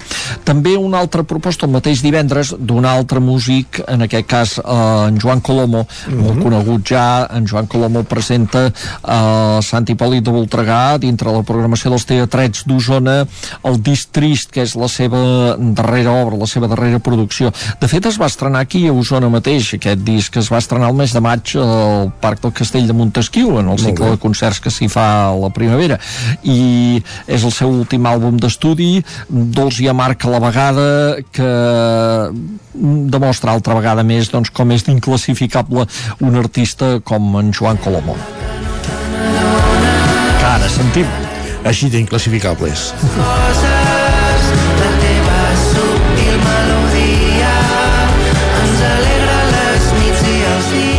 Més coses, que deies que tenies una cosa, una agenda tapaïda. Ah, agenda tapaïda, efectivament, perquè l'Atlàntida no és gairebé estrena, no és estrena, però gairebé eh, una obra de teatre que es podrà veure aquest dissabte. És uh, Oncle Vània. Oncle Vània és una de les grans obres d'Anton Chekhov, de, eh, per tant del teatre, de la gran literatura dramàtica russa del segle XIX. Eh, aquesta obra eh, és una producció doncs, que es va estrenar al temporada alta, pràcticament només s'ha pogut veure al temporada alta, que és el, el Festival de Teatre de Girona, com tots sabem, i poques representacions més a la sala Fabià Puigcerver del Lliure, i ja arriba aquí Vic, que de fet l'Atlàntida col·labora en aquesta producció, que ha dirigit un director lituà, Òscar Escursonoves, amb actors catalans, entre els quals hi ha des de Julio Manrique, per dir un dels més coneguts, fins a un usonenc, que és l'Ivan Benet la Carme Sansa també, la veterana Carme Sansa, el Lluís Marco, etc etc. És un gran repartiment, un gran repartiment per una obra estrenada el 1899 que passa en una casa de camp d'una família aristocràtica russa en aquell moment que encara no s'ha produït la revolució. Hi ha l'oncle Vània i la seva neboda Sònia que viuen allà una existència plàcida i arriben dos personatges més, el professor Serebriakov i la seva esposa que representen la ciutat. Uns són el camp, en aquest immobilisme, podríem dir, eh, i els altres venen de la ciutat, que és un lloc més europeïtzat, més intel·lectual. Però tots comparteixen una cosa, que és eh, aquesta ànima de les obres de Chekhov, que és una infelicitat profunda d'uns i altres. I bé, mm, us proposem aquest gran clàssic en aquesta versió que, que pràcticament s'ha pogut veure en molt pocs llocs, però que es podrà veure el dissabte a les 8 del vespre a la sala Ramon Montanyà de l'Atlàntia. Molt bé. Anem ara també al Sirvianum, perquè el Sirvianum destaca aquest cap de setmana, sobretot, eh, hi ha més coses, però sobretot destaca FAM, que és una producció dels impossibles que s'hi podrà veure també el dissabte. Ho sentim molt, però aquestes coses a vegades s'ha de triar, o l'una o l'altra. FAM és una uh, producció de les germanes Peia, de la Clara Peia, Uh, pianista de l'Ariadna Peia, ballarina, coreògrafa, uh, que mm, parla de la diversitat amb un text a més a més de Maria Velasco eh, amb participació usonenca també a més a més de la Cathy Say de les Say Sisters uh -huh. eh, i parla de mm, cossos diferents, intèrprets diferents, eh, cada una de les intèrprets d'alguna manera porta en ella mateixa alguna, alguna d'aquestes condicions, o sigui, des de la Cathy Sey per la seva condició de cantant i actriu negra, a més a més, molt militant, fins a la Laia White, que és, que és una ballarina, una coreògrafa que va néixer en un camp de refugiats d'Algèria i, i que va patir poliomelitis i balla amb crosses, per exemple. Bé, doncs una mica tot això és trencar esquemes, és a través de la música, de la dansa, eh, eh, és fer un ritual de la diversitat dels cossos a través de sis intèrprets, que són com, eh, et diu el programa demà, que de fet és així, com sis arxius vivents, sis documents de carn i ossos. Això es podrà veure al, a l'Atlant, perdó, al Sirvianum, perdó, al Sirvianum. Eh, al Sirvianum es podrà veure eh, aquest cap de setmana, el dissabte, en una de les propostes interessants també d'aquest cap de setmana. Eh, anem al centre de Manlleu, perquè al centre de Manlleu s'hi pot repescar una obra, que una és una comèdia, anem un to molt diferent, el dissabte a les eh, 9 del vespre i el diumenge a les 6 de la tarda, amb dues sessions, que eh, és l'obra Enxampats, la comèdia que es va estrenar en el, a la Festa Major de Manlleu, que va ser mm, el retorn del grup del Teatre Centre al Teatre, Centre, o sigui, el seu el lloc on havien on, on, D'on havien sortit. actuat. Tota la vida, on havien sortit, de fet, i, i és, una, és una comèdia d'aquestes eh, clàssiques comèdies d'embolics per anar a riure, per anar a passar una bona estona al teatre que va dirigir la Dolors Collell. I no ens movem de Manlleu per fer una altra proposta que és també dissabte, en aquest cas a les 9 del vespre eh, que és el concert que farà el baríton Ferran Albric amb el pianista Marc Serra. El baríton Ferran Albric ja sabem que és manlleuenc. Aquest concert s'emmarca dintre de la programació dels Amics de la Música de Manlleu aquest cicle que van fent i serà un concert basat en, en Lieder eh, de Schumann, de Debussy i d'altres compositors. És la quarta cosa que dius que es fa dissabte al vespre entre Vic, Manlleu i Torelló. és, és, és un, això és, és un, en fi, una acumulació, és una Ja acumulació i, i, encara, i encara en direm una altra, encara en direm una altra perquè el mateix dia 6 de novembre, és a dir, dissabte a dos quarts de 10 de la nit, hi ha la darrera de les obres del cicle del concurs, millor dit, de Teatre Amateur de Santa Eugènia, Mare. que tanca la seva vuitena edició amb l'actuació de la companyia Teatròlics de Banyoles, amb una comèdia també, en aquest cas, que es diu Mama, així amb tres As al final, i, i serà la darrera de les eh, cinc representacions que s'hi hauran fet i després doncs, se sabrà quin és el veredicte d'aquest concurs de teatre amateur. Aquest mama l'has fet amb entonació Freddie Mercury, per alguna cosa? Sí. O... Una per aquí cosa, cosa o no? no sé si té res a veure, diria que no té res a veure, però eh, va, va, una mica, va una mica així. Eh, sí, sí, és mama així amb tres As. No arribaré, al, a la, no arribaré a la qualitat vocal del Freddie Mercury, no. doncs això, són, això és una mica el repàs de tot Doncs, allò que tenim al cap de setmana, que com sort que només és una mica, perquè si fos un tot... Imaginem-nos, imaginem-nos. Clar, que, en fi, doncs moltes gràcies Jordi per ser A avui també amb vosaltres. nosaltres. Bon cap de setmana. I de del nou FM, de, la, de conèixer l'agenda cultural de, de la comarca d'Osona, anem cap al Moianès, de, cap a la zona de Sant Feliu de Codines, Caldes, Vigues, Caral Campàs, des d'Ona Codinenca, bon dia. Hola, bon dia. Eh, mireu, us porto aquest cap de setmana diverses propostes culturals. Eh, si us sembla, comencem pel Moianès. Aquí tenim eh, una proposta musical, un concert d'electro Robacassis de Camareta Bacassis um, perdó, és Electro Bacassis de Camareta Bacassis uh, és una proposta molt particular de fet l'estem sentint de fons i és que una orquestra de corda juntament amb un punxadisc un disjockey uh, proposen una interpretació de música moderna doncs amb aquesta combinació. Um, estem sentint Sí, de podem- fons doncs. La, la podem deixar respirar, si vols, eh?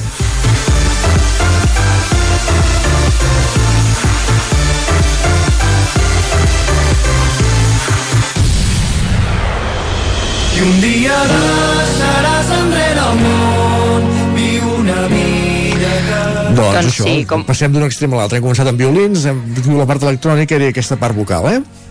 Exacte, eh, la cantant Marta Trujillo, el DJ Arazet i 24 músics de corda tres dels quals són de Mollà, trenquen els tòpics no? amb aquesta orquestra de música clàssica que Mareta Bacassis ofereix una gran doncs, un varietat de, de temes en un espectacle eh, que uneix els èxits dels últims 50 anys, Avicii, ABBA, David Guetta, Coldplay, Queen, doncs això, eh? música moderna, com us deia, amb aquesta orquestra de corda i un disjockey a l'escenari.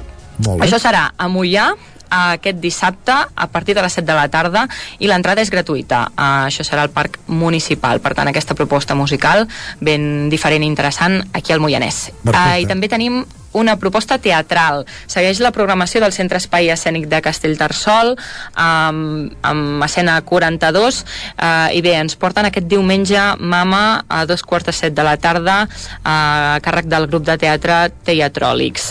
Eh, I me'n vaig del Moianès cap a Sant Feliu de Codines on aquí tenim un, una biconferència aquest dissabte a les 7 de la tarda a càrrec d'Òmnium Cultural eh, que segueix una programació que va encetar, encetar fa unes dues setmanes. Eh, en aquest cas, la biconferència eh, porta per nom Inquisició i Repressió. Eh, la part de l'Inquisició anirà a càrrec de la doctora en Antropologia Rocío Rodríguez i la repressió a càrrec del doctor en Filologia Miguel Peiró Garcia. Això serà, com deia, aquest dissabte a les 7 de la tarda al Centre Cívic La Fonteta. I també a Sant Feliu de Codines tenim la presentació del llibre Avi, et trauré d'aquí, aquest dissabte de 12 a 2, eh, aquest llibre de Joan Pinyol a la Biblioteca Joan Petit i Aguilar. I acabo aquest repàs cultural amb Vigues i Riells. Aquí tenim eh, divendres a les 7 de la tarda a la biblioteca ofereix la lectura de, dramatitzada dels fragments del llibre Tu ets jo, de l'escriptora Teresa Jové. Eh, anirà a càrrec de Maria Jesús Lleonard amb l'acompanyament de piano d'Ian Lleonard. Eh, I acabo amb una altra activitat a Vigues, musical també amb els mític, mítics i conegudíssims uh, Belda i el conjunt Badabadoc, uh -huh. els coneixes, no? Sí, i tant. Carles Belda. Exacte, doncs... Amic, sí. Sí, actua aquest divendres a les 10 al Teatre Auditori Polivalent de Vigues en el marc del Correllengua. Es farà una lectura de manifest i després hi haurà el concert del Carles Belda. Uh, les entrades es poden aconseguir a través d'entrapolis.com. El sentim de fons així amb una gravació d'un concert. Gràcies, Caral. I a vosaltres. Fins la propera, gràcies. De Sant Feliu de Codines anem fins a Sant Joan de les Abadesses, als estudis de la veu de Sant Joan amb l'Isaac Muntades. Bon dia, Isaac. Bon dia, bon per dia. Per repassar l'agenda cultural del Ripollès. Sí, tenim eh, algunes coses aquest cap de setmana. Per exemple, comencem, si us sembla, per aquest divendres amb una activitat organitzada en el marc del Som Cultura 2021 del Patronat de Turisme Costa Brava, que es farà a Ripoll a les 7 del vespre al Museu Etnogràfic i es titula L'Esperanceta i el seu cabaret a pagès que torna després de, de fer-se per primer cop a la primavera passada. I bé, parla de la saviesa d'alta muntanya de la pobilla de Casa Gàcia i del seu cabaret eh, a pagès que farà doncs, de la visita al museu doncs, una experiència cultural eh, única. Els menors de, de 12 anys tenen l'entrada gratuïta i els adults han de pagar un euro i mig per poder-hi assistir. Eh, no ens movem de Ripoll perquè des de demà dijous fins al 30 de novembre a la Biblioteca Lambert Mata també hi haurà eh, l'exposició col·lectiva del taller d'arts de, de Montse Barros doncs, doncs hi podran veure doncs, peces de, de tots els seus eh, alumnes que han fet doncs, durant els, els darrers mesos. Per tant eh, una exposició bastant interessant per, per veure. I després eh, també dir-vos que aquest dissabte a les 6 de la tarda el crític d'art Eudal Camps, el ripollès Eudal Camps i l'artista Anna Bahí faran un col·loqui sobre el retrat i l'autopercepció a l'espai art de l'abadia que ha estat exposant eh, retrat, autorretrat de la banyolina Anna Bahí des de principis d'agost i doncs eh, aquesta exposició s'acomiadarà doncs, amb aquest, eh, eh, aquest col·loqui i es retirarà no? Eh, l'exposició, eh, el col·loqui es diu Poètiques de l'autoretrat i entre els dos artistes doncs, explicaran una mica eh, de què va per dir-vos una mica qui sona, l'Anna Bahí és una banyolina que va estudiar fotografia aplicada al disseny gràfic amb l'artista fotògraf Manel Esclusa a l'Escola Eina de Barcelona i ha participat doncs, en diverses eh, mostres fotogràfiques a Barcelona i a Girona, així com a Itàlia i també a, a fires a Marbella i Buenos Aires i va formar eh, part de la programació 2017 d'exposicions temporals de la Fundació eh, Vila Cases i juntament amb el músic Xavier de Palau doncs també va presentar a, a l'Auditori de Palau Solterra un projecte conjunt de fotografia i música que es diu Silentium. Uh, per altra banda, Eudal Camps és llicenciat en Filosofia i en la Història de l'Art i és crític d'art doncs, del diari de Girona des del 99 i també és un comissari independent i evidentment doncs, una persona molt prestigiosa perquè ha col·laborat amb diferents uh, mitjans de la premsa especialitzada en art contemporani i, i també en ràdio, a Catalunya Ràdio també, o, o a la 2 de Televisió Espanyola en aquest cas, i en revistes de paper d'art de la Fundació d'Espais Art Contemporani de Girona o, o per exemple també la revista de Girona o la revista Bon Art entre uh, moltes altres coses, per tant sens dubte serà un col·loqui molt interessant en un, en un espai tan idíl·lic com uh, l'espai d'art de l'abadia que per exposicions doncs uh, està molt bé. I, i per acabar sí que m'agradaria destacar-vos uh, un punt de dansa de dansa sobretot i de i d'oci en certa manera perquè després de molt de temps doncs tornen als balls de la sala Diagonal de Can Davano que eren un clàssic del diumenge a la tarda i ara pràcticament uh, de, bueno, des de l'inici de la pandèmia doncs no, no s'havien uh, pogut uh, fer i es faran doncs, a partir de dos quarts de sis de la tarda eh, cada diumenge i en aquest cap de setmana doncs, el primer grup que ho amenitzarà serà el duet Lucky Cook eh, i en una sessió que també doncs, inclourà un berenar i una sessió de bar per 8 euros i mig. I aquesta seria una mica l'agenda a l'espera de que les pròximes setmanes doncs, es reprengui doncs, el cicle de tardor del SAT Teatre Centre que ja n'anirem parlant però que encara doncs, té eh, en el seu cartell doncs, algunes actuacions destacades com per exemple doncs, l'Helena Gadel que és una de les actuacions eh, més importants d'aquí al final, al final d'any que també doncs anirà acompanyada eh, d'una guitarrista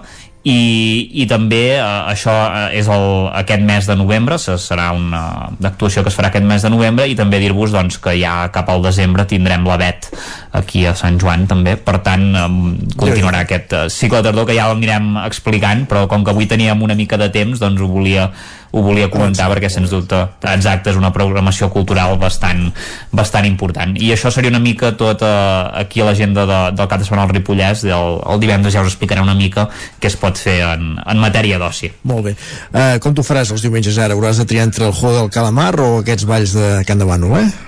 Ostres, sí, eh? No, bueno, sort que el juego de calamar ja l'he vist. Ah, ja no està molt, resolt. No soc molt, sí, sí, no sóc molt de ballar, eh? Per tant, Ah, ostres, quasi bé preferiria repetir-ho, eh? El, el juego del calamar.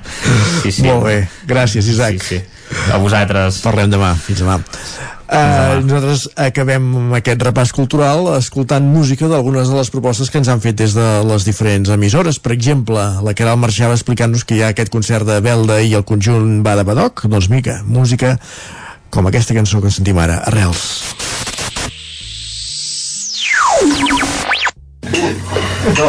Acarici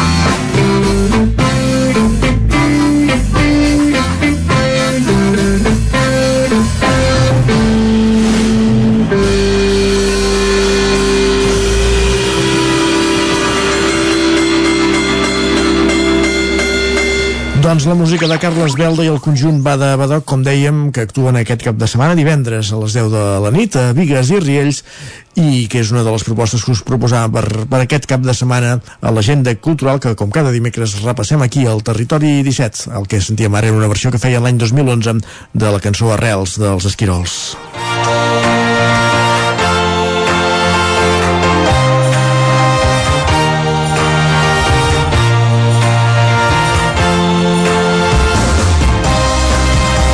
I així arribem al final del programa d'avui del Territori 17 d'aquest dimecres 3 de novembre de 2021. Us hem acompanyat des de les 9 del matí Núria Lázaro, Pepa Costa, Caral Campàs, Guillem Sánchez, Guillem Freixa, Jordi Givert, Isaac Muntades, Òscar Muñoz, Jordi Vilarrodà, Jordi Sunyer i Isaac Moreno. I tornarem demà quan siguin les 9 del matí. Fins aleshores, que vagi molt i molt bé. Feu bondat.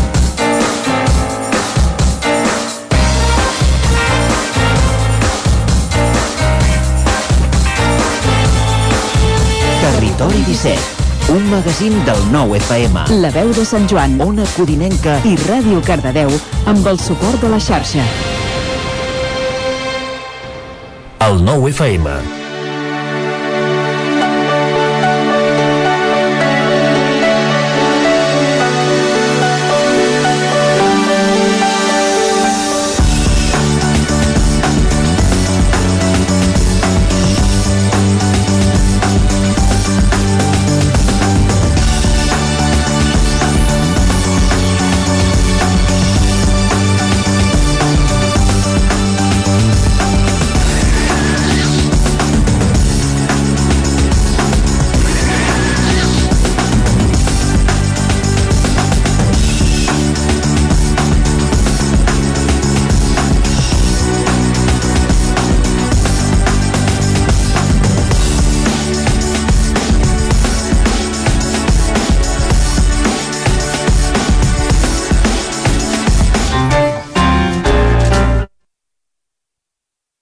El nou FM, la ràdio d'Osona.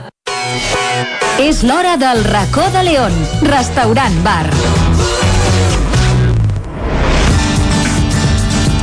El nou FM.